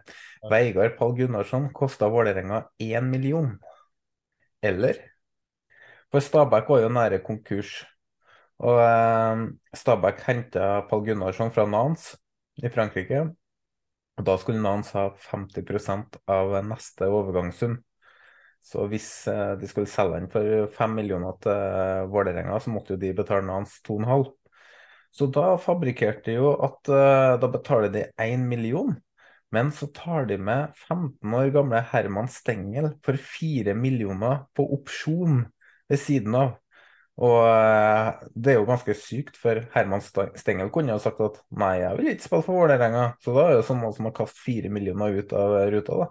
Og eh, konsekvensene i handelen her ble jo ekstrem, da. For eh, hvis jeg ikke husker feil, så var det, var det styrelederen til Stabæk, Erling Lo, eller noe sånt, som Han var jo aktuell som NFF-president på tida der. Den røyk jo. Truls Håkonsen i Vålerenga, han måtte gå. Stabæk fikk bot på 5 millioner, og Vålerenga fikk bot på 3,5 millioner. Uh, og det endte opp med tre, Han endte opp med tre mål på 20 kamper og målpoeng per 224. minutt. Uh, og da kan jeg ta med at i Stabæk så hadde han målpoeng per 107. minutt. Uh, men jeg mener konsekvensen av denne handelen her Og Rosenborg var jo inne i bildet, og for Stabæk prøvde å selge inn til Rosenborg var jo veldig interessert i Pall. Og de prøvde å selge inn på samme måte der, at hvis vi gjør sånn og sånn og sånn, så kanskje Da fikk heldigvis Erik Hoftun eh, kalde føtter, og så var det Vålerenga som eh, beit på. Så det mener jeg er klart. Jeg Men da, da, gjorde du litt nøyere research for meg. på det som at Jeg tok det egentlig fra hodet. Om at jeg husker den Veigard-overgangen så at det her skulle liksom være en storsignering. Men jeg husker også at det resulterte i ingenting, så jeg var veldig rask på å komme på Veigapall eh, til Vålerenga som et sånn mulig bomkjøp for Vålerenga. Men jeg eh, huska ikke alle de detaljene der, og det bekrefter jo egentlig bare hele den suppa. Det sier jo litt om hvor dårlig kjøp det er når du har den på lista uten å ha det der til grunn. Ja. Dette er mer fra et supporterperspektiv. sant? Altså, jeg husker så godt at han skulle liksom inn som en ny stjernesignering i dette eh, Vålerenga-laget. Og det, det, ble aldri det derre som du egentlig tenkte Alansinho, Namskog, Pall Gunnarsson-samarbeidet som du egentlig hadde trengt. da. Hvis du skulle få det der til å fungere, så bare rusla rundt ut på Ullevål der og egentlig aldri leverte noe som helst. Så jeg også fikk med meg den der 20 matcher og tre mål opplegget. Men ja. Eh, når du nevner det, selvfølgelig så har du den suppa med Herman Stengel oppi de greiene der også. Og, ja. Men så mange altså politietterforskninger og eh, eh, alt, alt har konsekvenser etterpå, så skal sies at Vegard Pall hadde jo en fryktelig dårlig karriere her, fra den dagen og, og, og uh, ut karrieren. Han avslutta vel på Island i tredjedivisjon, tror jeg faktisk. Så jeg spilte mot han på Island. Jeg slo han når jeg var på utlån på Island. Jeg ja. Da spilte for Stjernen, og jeg jeg spilte mot han der oppe. Var han like tung da, eller? ja, da var han tyngre. Nå har han blitt ja. enda tyngre. Så, uh, da var han, da var han tom for bensin. Ja.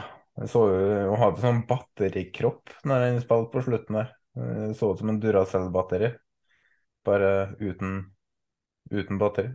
Det er vel definitivt ja, til Vegapal Har ble eh, slått av han der eh, leiesoldaten med ni kamper på Island. Da, da var det over.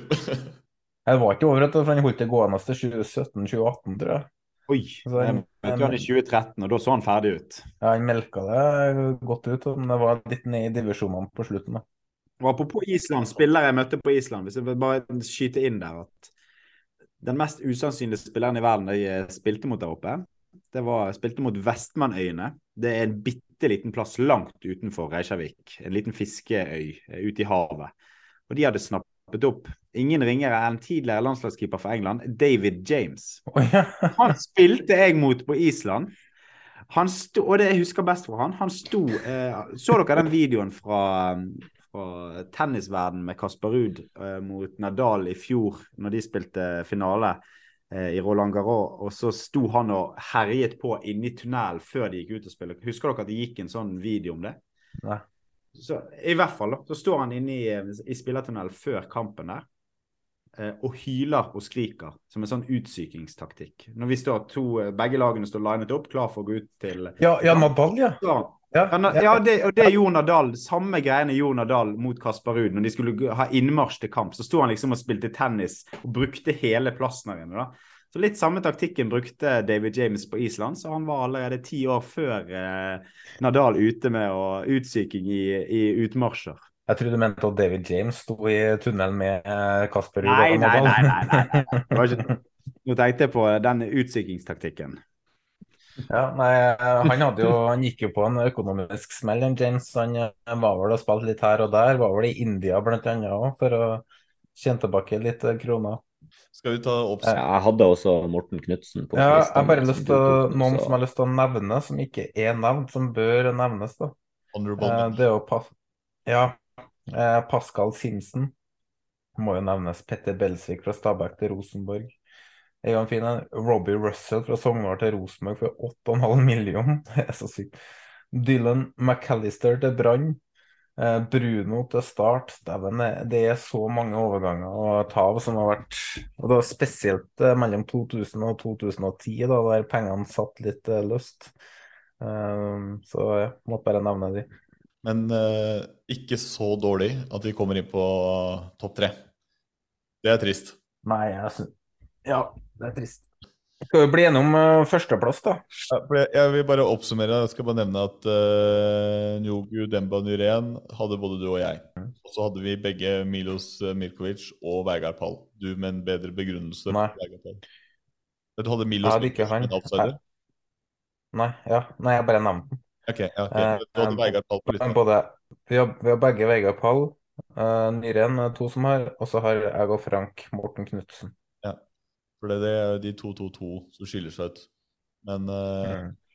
Ja, ja, drit i gjesten deres. Han kan sitte igjen uten noe som helst. Det går helt fint, det. Så kjør deres opplegg, dere. Helt fint. Du, du, er tross alt seriemester. Det er greit. Det er greit. Det er ikke vi. Jeg har, jeg har selvtillit nok til å stå i det. Jeg har, opp, jeg har opprykk fra femte til fjerdeplass. Nei, fra, fra femtedivisjon til fjerdedivisjon. Det er det jeg har, liksom. Men uh, vi trenger kanskje ikke å kåre en pall her? I og med at det er to. Nei. Da sier vi bare at topp tre, og så kan folk få lov til å ta den diskusjonen videre om de ønsker det. Vi, Men, vi, eh, kan si, vi kan si at Vegard Pall er på første. det er greit, eh, du skal få den. Uh, Vegard Pall Ja. første, og så en delt uh, andreplass mellom Debba Nyrén og Knutsen. da. Var det sånn det var? Ja. Ja, nei, men, Og så må ikke vi glemme Jonas Grønner fra Brann til Ålesund for 1,3 millioner. Altså, Det er dårlig brukte penger òg. Fikk hadde- Tenk å bruke penger på det, da! Hæ? Jeg hadde, Ja, fytti katta! Det er dårlig brukte penger, det. det er godt du sa, det. Røverkjøp. bare på artighet, og det var jo Jonas Grønner fra eget akademi opp til Brann, Jonas Grønner til Ålesund og Jonas Grønner til Eurosport. Men den glemte jeg. Faen. Bra jeg tok han sjøl, da. Ja, det er bra. Nei, men skal vi eh, gå videre til uh, en uh, siste En oppramsing av eh, liste, kan du si. Jeg trykker på knapp, jeg ser hva som skjer. Vi eh, går rett og slett eh, over til noe som er langt, langt viktigere. Eh, tidenes kjekkeste elver. Eller som Jonas og Frank har sagt det, elver som kunne fått oss ut av skapet, er vel kriteriet her. Da er det bare å kjøre på, gutta. Skal jeg notere? Um, Er det jeg som har satt opp en Jeg har satt opp en elver. Har dere også satt opp elver? ja. Jeg ah, ja, ok. Dere kommet over så mye bra gutter at jeg endte opp med en eh, elleve stykker på benken nå. Herregud, jeg føler meg ordentlig Jeg tror jeg kom ut av skapet faktisk etter jeg gikk gjennom det.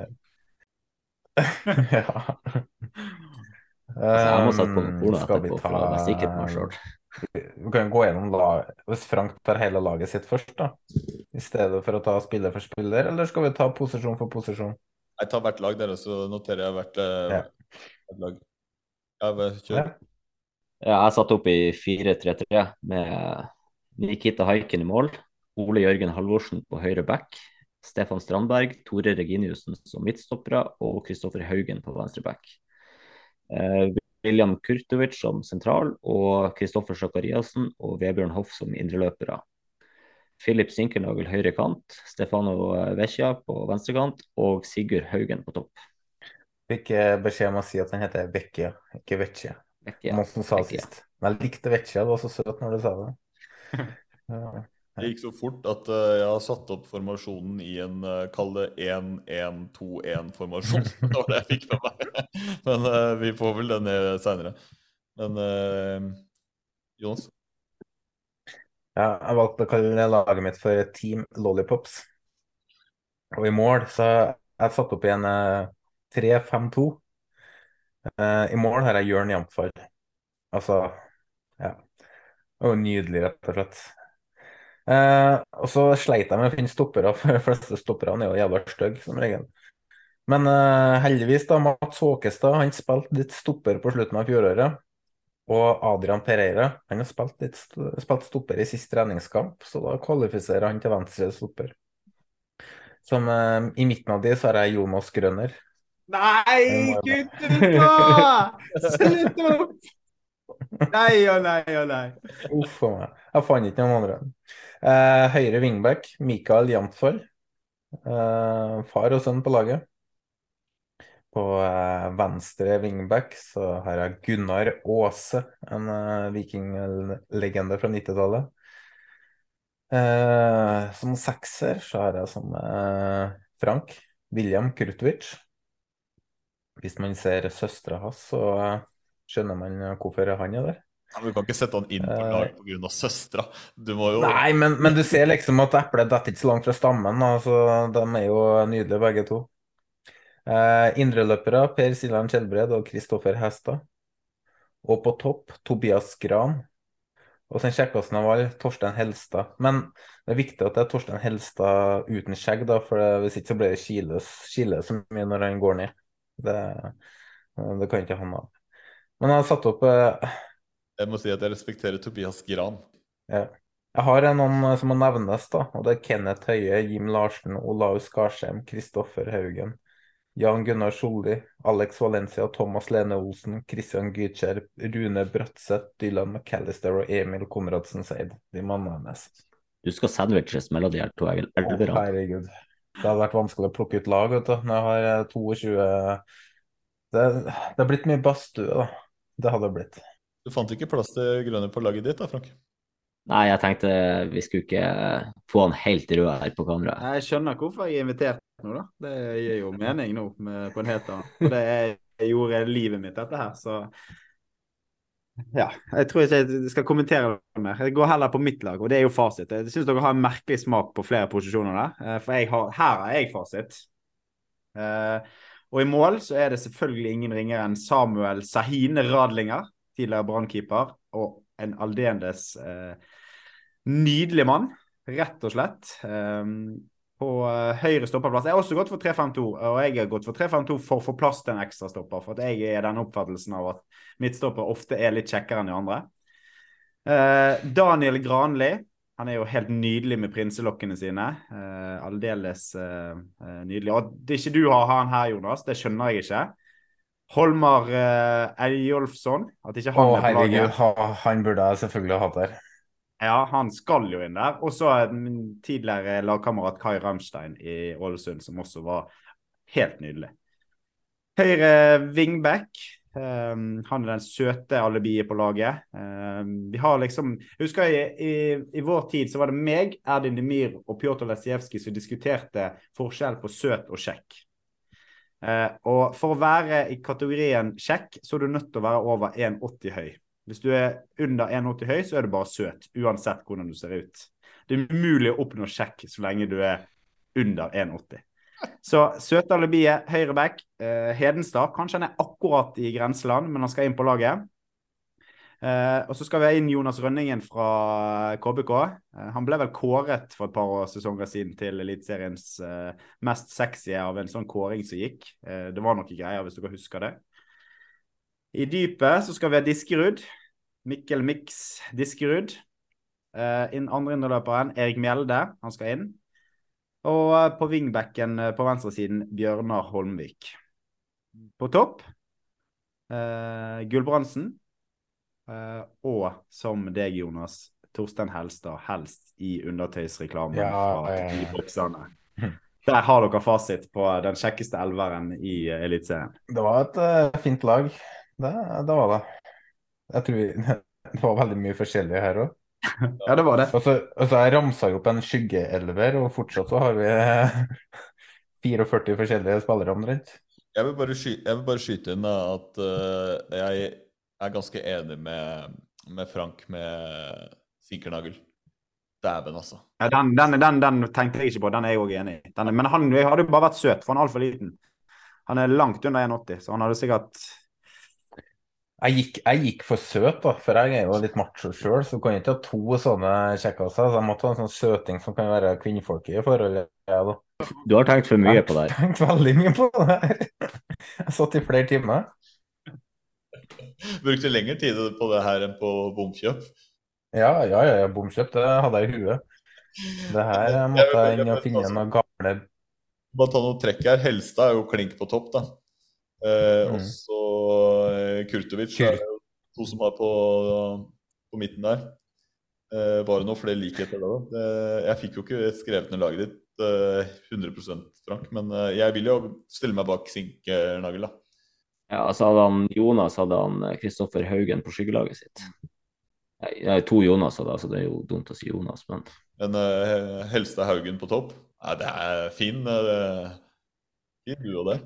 Vi, vi, kan jo bare gå videre også, så vi slipper å diskutere uh, Liker ikke å diskutere det her på fredagskveld, Frank? Jeg ville bare se om det var noe fellestrekk. Uh, og det var det. Uh, dere liker det samme. det, det, er liksom sånn Sinkernagel er ikke min type gutt, men jeg aksepterer det. da var Tines kjekkeste elver uh, satt. Og vi har noen spørsmål til deg vår kjære gjest. Da har jo ramla inn. Ramla har det vel ikke, men det har vel kanskje kommet et par, eh, par spørsmål. Jeg har sett litt på Twitter. Det var nå ikke Ja. Jeg er klar til å besvare, i hvert fall. Da, jeg har et som du ikke har sett, da, for det kom inn på Facebook. Oi. Emil, Emil Almås. Han uh, lurer på hva er beste Tengstedt-øyeblikket fra kommentatorplass. Og nummer to, bli med over på TV 2 da, Grønner. Og så, sendte meg en snap i stad og lurte på om han hadde sjanse på det. Ja, nå må du slutte med det der, for ellers klarer jeg ikke å svare på spørsmål. Uh, men um, beste tenksteøyeblikk Jeg var jo så heldig uh, å få jobbe med ganske mange Rosenborg-kamper på rad der. Uh, og han skårte jo hver eneste gang jeg var i, i nærheten av ham, holdt på å si. men den debuten hans det må jeg si var noe av det mer mektige jeg har vært uh, borti. for da, da visste vi liksom ikke helt hva dette var for noe. Jeg visste at de hadde brukt litt penger på han, og så kom han inn og så leverte han på så mange forskjellige parameter gjennom 90 minutter, uh, eller 75 eller hva det var han spilte. Det husker jeg faktisk ikke i hodet. Men han spilte han var så god. Han både skåret mål, han hadde assist, han var god i presset. Han var en god Altså, han bommet ikke på en gjenlegging. Eh, han viste allerede der at han eh, satte standarden, at han var kommet for å bli. Og at du klarer å bygge videre på en sånn type debut, det syns jeg er sinnssykt mektig. Så jeg får nesten si eh, debuten der, selv om det er veldig mange forskjellige øyeblikk å ta fra. Jeg satt igjen med en, sånn, eh, en tanke etter den eh, debuten mot HamKam at uh, han minte meg så jævlig om Dennis Bergkamp. Han var så, han var så god og feilvendt, han var så smart, han hadde sånn overblikk. Det var bare sånn, Du så med en gang etter første gangen at OK, det her er fotballspiller. Ja, han var god på alt. I den kampen der mm. spesielt var han god på absolutt alt. Så um, ja, det var den kuleste. Så jeg, jeg likte godt den skåringen han hadde borte mot Kristiansund også, når han skjærer inn fra, fra venstre og legger han bort i det lengste hjørnet. Um, chippen han hadde mot uh, Vålerenga, var det det? Eller ikke chip, det var jo den da når keeper står litt, Sjøeng står litt ute, og han ser det så tidlig fra ja.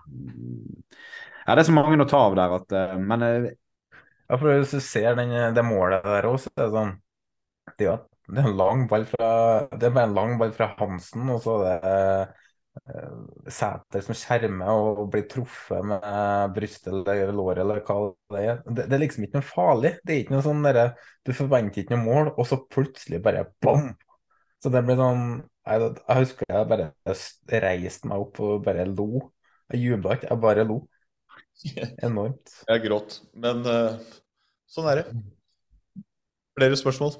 Ja, anonyme Anonymessen har spurt uh, han uh, Fuck, Mary Kill. Snorre Frank Jonas. Oi. Um... Jeg barberte ræva. Ja, du eh, er faktisk eh,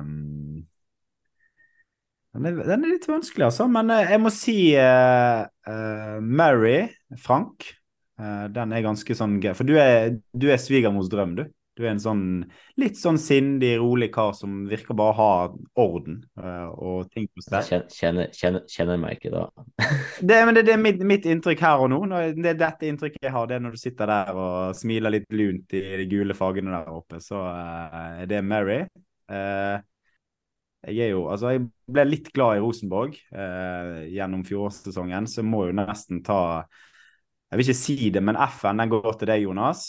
Uh, og så uh, kun, hvis blir, kun, hvis det blir mer enn én en gang, altså. Og så, uh, og så Vålerenga. Der Jeg beklager, det er Vålerenga det sliter jeg med. Det syns jeg ikke er Jeg syns ikke er noe imponerende det de holder på med der borte. Så det får bli Det blir kill Vålerenga denne gangen.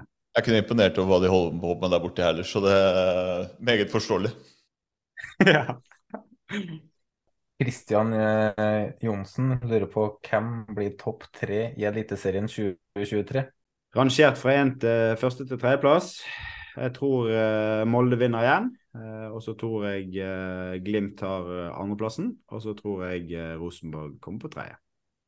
Uten noe mer utdyping. Da kan vi sitte og diskutere til i morgen, men jeg tror det er status 2023. Da må vi nesten spørre eh, hvordan du tror han Hornland og Brann gjør det i år. Nei, det var eh, Da satt jeg og så på Brann mot Ålesund i går, eh, og én ting er at Ålesund var helt usannsynlig svak i den kampen. Det var ikke noen målestokk. Men allikevel så er det Brannlaget For det første at de tok den poengrekorden på den måten. Vi trodde i 2019 at vi hadde satt en helt fullstendig umulig og usannsynlig poengrekord i Obos-ligaen.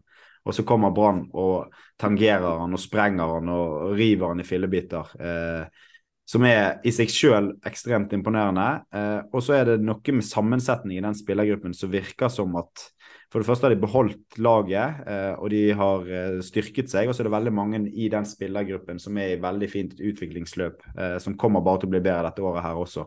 Så jeg har grunn til å tro, eh, og eh, jeg tror man kan forvente litt av Brann i år. Eh, de mangler litt fart på topp. Blomberg kan kanskje komme inn og, og være litt av alibiet der. Bofinna har sett sterk ut. Børsting har også sett sterk ut. Så gjør at jeg tror at Brann eh, De er nok ikke de blander seg inn i den topp treen der, men jeg tror nok de ender f.eks. over Vålerenga på tabell. Det tror jeg. For at Brann kommer til å være eh, helt der oppe uten å blande seg inn i helt den topp trioen. da. Ja, det på fjerdeplass. Ja, det, det, kan de fort ende, ende på. Uh, og så er det litt sånn De trenger, som jeg sier, litt grann mer. Eh, Heggebø har sett litt seig ut fremdeles. Han var god den høsten, siste høsten i Eliteserien i 2021. Jeg håper han kan komme litt tilbake der for, for Brann sin del.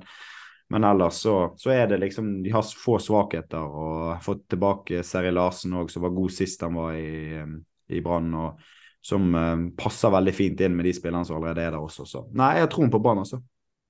Jeg er helt enig. Jeg har òg tippa Brann høyt oppe i år, så spennende det som skjer der borte.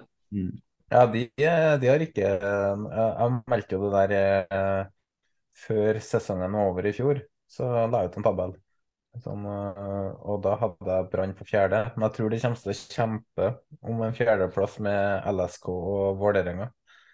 Og at eh, Viking ser jo sterk, sterkere ut òg nå, at de kanskje kan melde seg på i den bolken der. da. Odd tror jeg også kommer til å fortsette å bygge videre.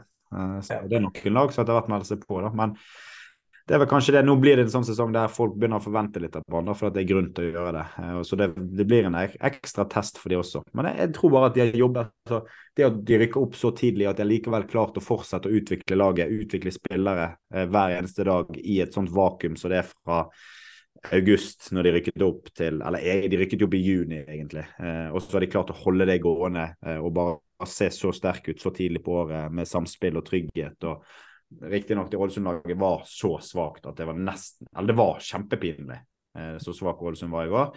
Men eh, ja, det var, det var, noe veldig spennende med det banelaget i hvert fall. Så gjør veldig grunn til, til um, optimisme. Martin Olaf spør største talentet som er i Norge per dags dato, og så skyter Vegard Mandal den. Unntatt Sverre Nypan, for å få litt spenning i svaret. Nei, altså um, Har jo veldig store forventninger til godeste Vassberg i Brann. Uh, han har uh, vært god, men nå har han uh, dessverre utfordringer med skader. og han må bare få orden på det. For han er inne i en veldig viktig, veldig viktig alder med Eh, på akkurat den biten der nå, da. Men det er lenge siden vi har hatt et sånt talent i Brann. Og Brann har jo drevet klubb på en måte som har vært usunn i ja, Når var sist Brann solgte en spiller av verdi? Huseklepp til Bari, som de ikke så pengene til i 2010 for eller 20, ja, 2010 var det vel for 12 millioner. Det er jo ingenting sett opp mot disse andre overgangene vi ser i norsk fotball. Så Brann er nødt til å begynne å og eh, cashe inn på et par av disse spillerne. Så jeg håper virkelig og tror at han har mye av det som skal til for at eh, han kan være et, et stort salg fra eh, norsk eh, målestokk. da. Og i og med at han er 04-modell og har sett såpass sterk ut eh, allerede, så til og med skåret på Aspmyra. Og det er ikke enkelt. Eh, så forsvare han siden jeg er bergenser og som jeg er som et lite bergensk alibi. Mm? Asperg signerte vel ny kontrakt òg. Ja. Litt sånn uh, rykta litt hit og dit og om det ble noe signering. Så det er en viktig resignering, da. For å kunne få de der Det er kjempesignal. Og det, det er kjempesignal, og så er det gjerne sånn at uh, bare med det, den signaturen der, så øker han prisen med x antall millioner bare på å gjøre det. Mest sannsynlig. Sånn så hvis han bare blir kvitt skadene nå, da. Det er det som er utfordringen hans nå. For at talentet hans og det han står for som fotballspiller, det kommer til å gi kling i kassa. Garantert. Uh, Willy Oppland spør uh, mest undervurderte spiller du har spilt med? Oi, mest undervurderte spillerne jeg har spilt med, ja. Det er vanskelig å svare sånn på stående fot, da. Uh, men vi var jo innom en i, i um, laget i sted, da. Som lenge nå begynner han å få anerkjennelse. Med Fredrik Aursnes, som jeg spilte med på U21-landslaget. Så var jeg Hødd på den tiden, og så gikk han videre til Molde. Han vant jo cupen allerede som 16-åring i 2012. Eh, og har liksom alltid vært veldig god, uten at helt folk har forstått hvor god han var. Og Vi så det, vi som trente man fast uh, i den gruppen på U21 uh, og når han spilte mot uh, topp internasjonal motstand gjennom flere år der. Og den steg for steg han tok i Molde. Så selv om han har fått den anerkjennelsen nå med at han har fått en klubb av den størrelseorden som han har, og gjort det sånn som han har gjort det der, og folk har begynt å snakke om det, så tror jeg når jeg spilte med han, så i hvert fall kanskje han den jeg har tenkt på som wow, dette er en spiller som får altfor lite creds for, uh, for, hvor god han faktisk er. Um, Ruben André Norvik, fortell gjerne om hva du gjør hos akademiet i Ålesund, sånn konkret. Uh, så har han et par spørsmål til, uh, det kan jeg ta etterpå. Men hva gjør du i akademiet? Eh, for Akademiet i Ålesund så jobber jeg eh, med eh, toppidrettslinjen. Toppidrettskoordinator slash sjef for idrettslinjen på Akademiet. Og det vi ser av utvikling i norsk fotball, er jo det at i større og større grad så har toppklubbene skoler og videregående opplæring i tette samarbeid med forskjellige aktører, og gjerne på stadion. Det har Color og Ålesund manglet. Så det vi jobber med og har jobbet med de siste året, er å prøve å fasilitere for skole eh, på Kollen stadion. Og lykkes eh, med det med én dag i uken det året her. Og jeg håper å bygge videre det tilbudet eh, uten å være helt sikker på hvordan dette er, kommer til å ende i fremtiden. Men målet er at vi skal bli det beste videregående tilbudet for spillere som har lyst til å bli gode og spille fotball eller drive med idrett i Ålesund. da. Hvilken spiller drømte du som liten å kunne få spille med, når du ble eldre? Uh, nei, spille med, var det du sa? Spille med, ja. Ja, nei, uh, det var jo jeg, som jeg sier, jeg var vokste opp som stor Brann-supporter. Jeg sto på Festplassen i 2007 med 30 000 bergensere og feiret seriegulvet som 13-åring. Uh, og to år senere var jeg på min første A-trening. Så det var liksom så vanvittig kort tid mellom jeg var eh, stor fan til jeg sto i det.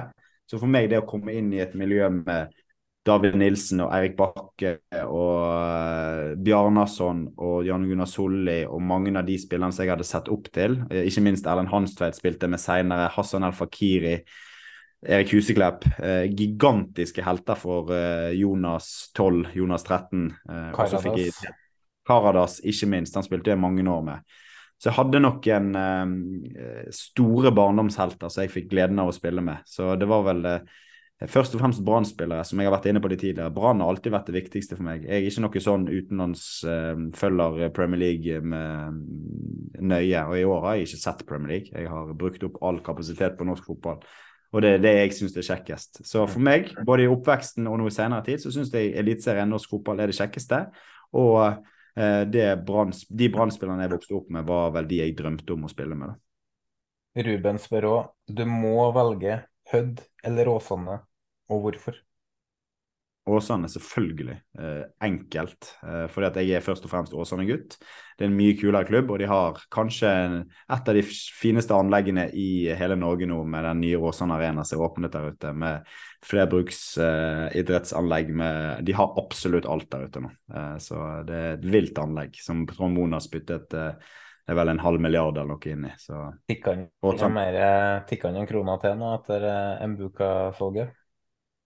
Ja, det går jo rett til da, så får håpe at de klarer å ruste opp litt. For det var, det var svakt det de presterte i fjor, og jeg tror det var fornuftig at Ingebrigtsen pakket sekken sin og flyttet til Trondheim igjen. For uh, det virket ikke helt som uh, det var rollen for han, uh, sånn som det ble der i fjor. Så nei, jeg er som sagt jeg er født og oppvokst i Åsane. selv om ikke Åsane var barndomsklubben, så er Bergen Nord som er en bydelsklubb i Åsane som Så det valget blir veldig lett.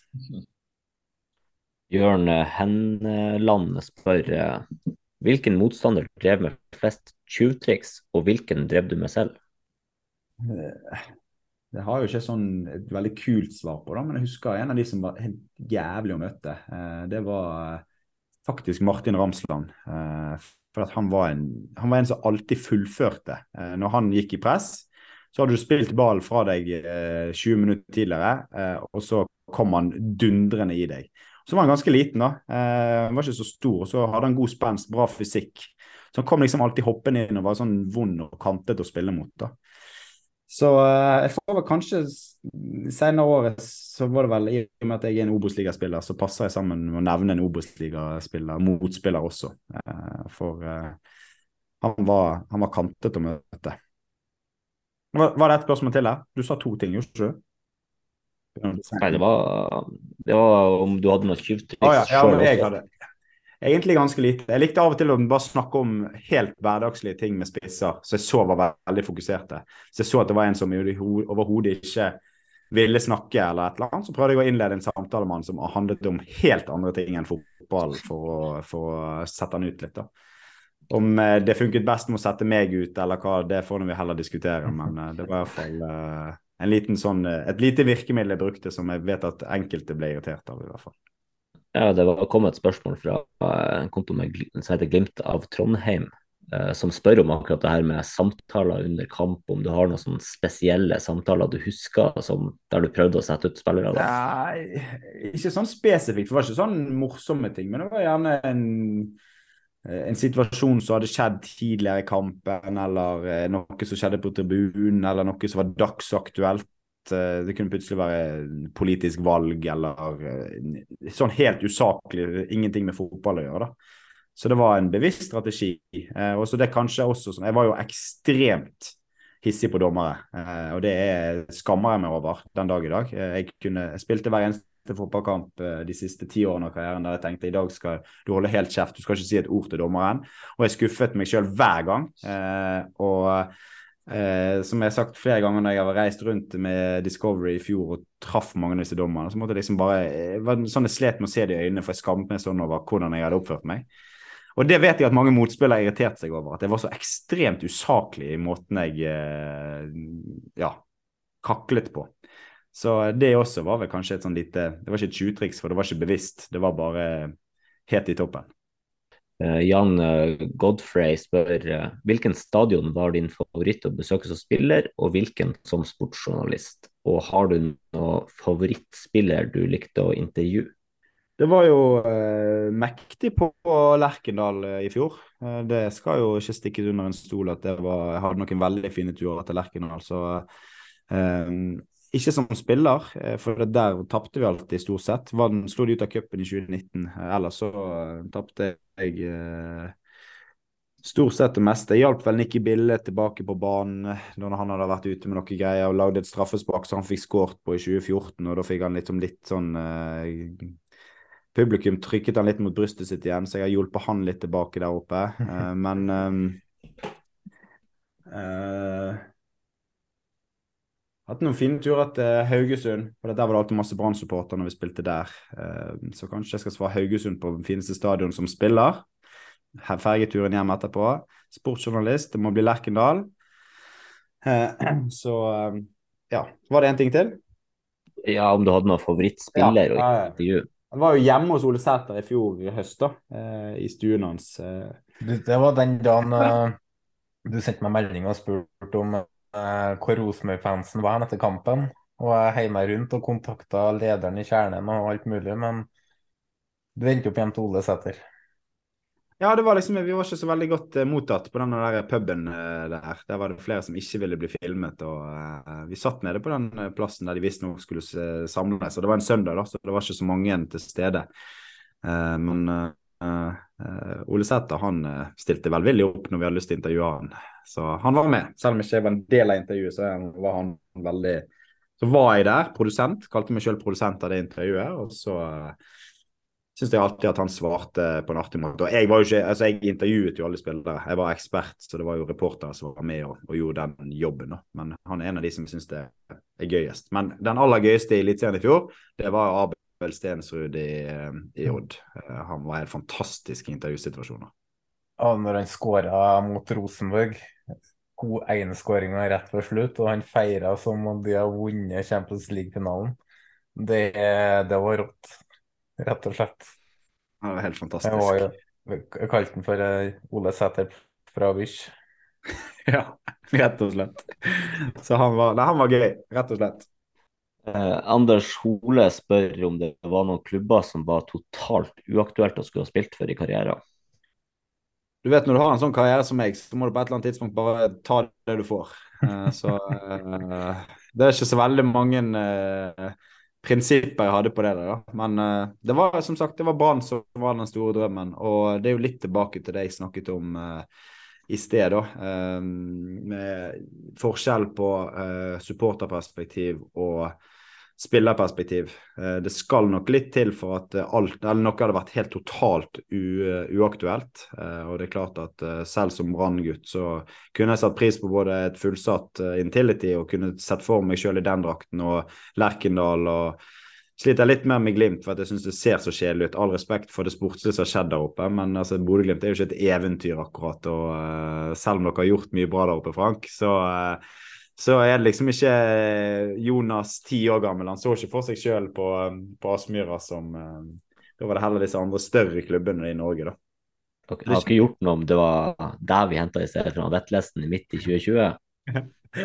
Nei, altså eh, Jeg skulle jo gjerne vært en del av et sånt eventyr, for all del. Men um, som fotballspiller så lever du en veldig kort karriere, og da er du på jakt etter eh, opplevelser også. Så hvis du kunne vært en del av en stor opplevelse, så tror jeg det hadde trumfet eh, følelser i veldig mange tilfeller for meg, da. Eh, det må jeg ærlig innrømme. Eh, selv om helst, aller helst, eh, og den største drømmen hadde vært å vinne seriegull med Brann. Så, eh, så et seriegull hadde vært smakt godt, det i Bodø også.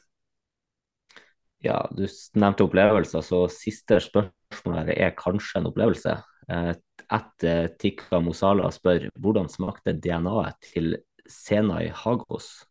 Oi, ja. Vil vi, vite, vil, vi, vil vi vite, egentlig?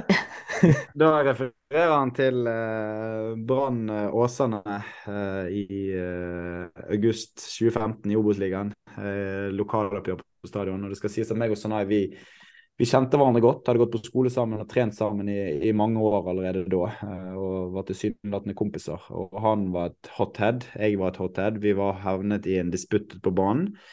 Uh, og det han uh, Nå har ikke, ikke han her til å forsvare seg, men det jeg opplever som en soleklar spytting, der han spytter meg direkte i ansiktet når vi er uenige om noe, Eh, sier han i ettertid at uh, overhodet ikke var noe spytting, og det var Obos-ligaen, så det var ikke noe kamera til å plukke det opp. Uh, men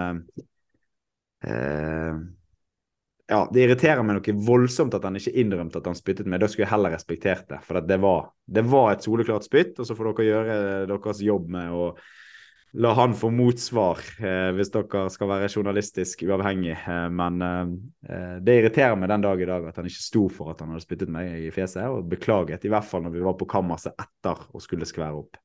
Ved veis ende for denne gang. Det blir ikke noe ja. 69-himmel på bonuser. Det må vi spare til ordinær. Eh, bortsett fra det så er denne bonusepisoden ferdig. Så takk til alle som har hørt på. Så må vi, så må, så må vi takke til Vestfold Lydstudio, Jesper Horten Kjærnes. Det er vi forplikta til, i hvert fall. Nei, men uh, takk for alle som uh, gidder å klikke innom og høre på. Takk til uh, Jonas Grüner som gjest, det var superartig. Og takk for alle gode spørsmål og innspill. Og de vi ikke har svart på nå eller fått plass til nå, de skal nå få svart på det meste etter hvert. Så fortsett å sende inn, det er bare gøy. Men uh, da kjører vi uh, takk for i dag uh, herfra, og så snakkes vi igjen til uka. Finner ikke knappen? Nei, jeg har aldri funnet noen knapper. Og da var vi ferdige.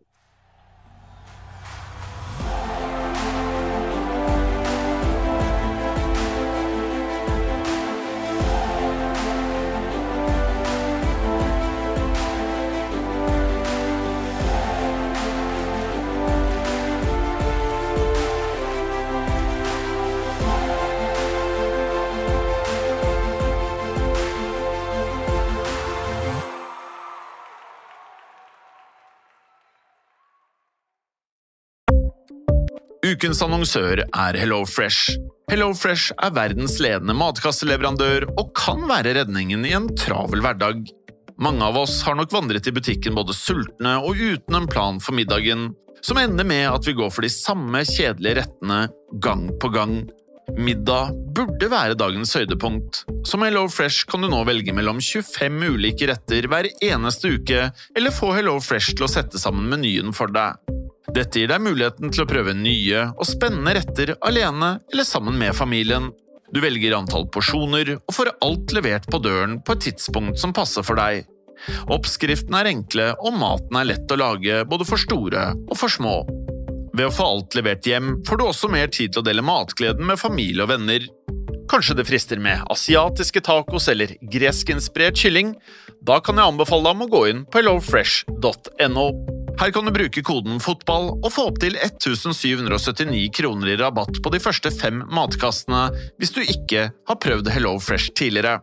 Du kan også bruke rabatten hvis du har vært kunde og stoppet abonnementet ditt for tolv måneder siden eller lengre.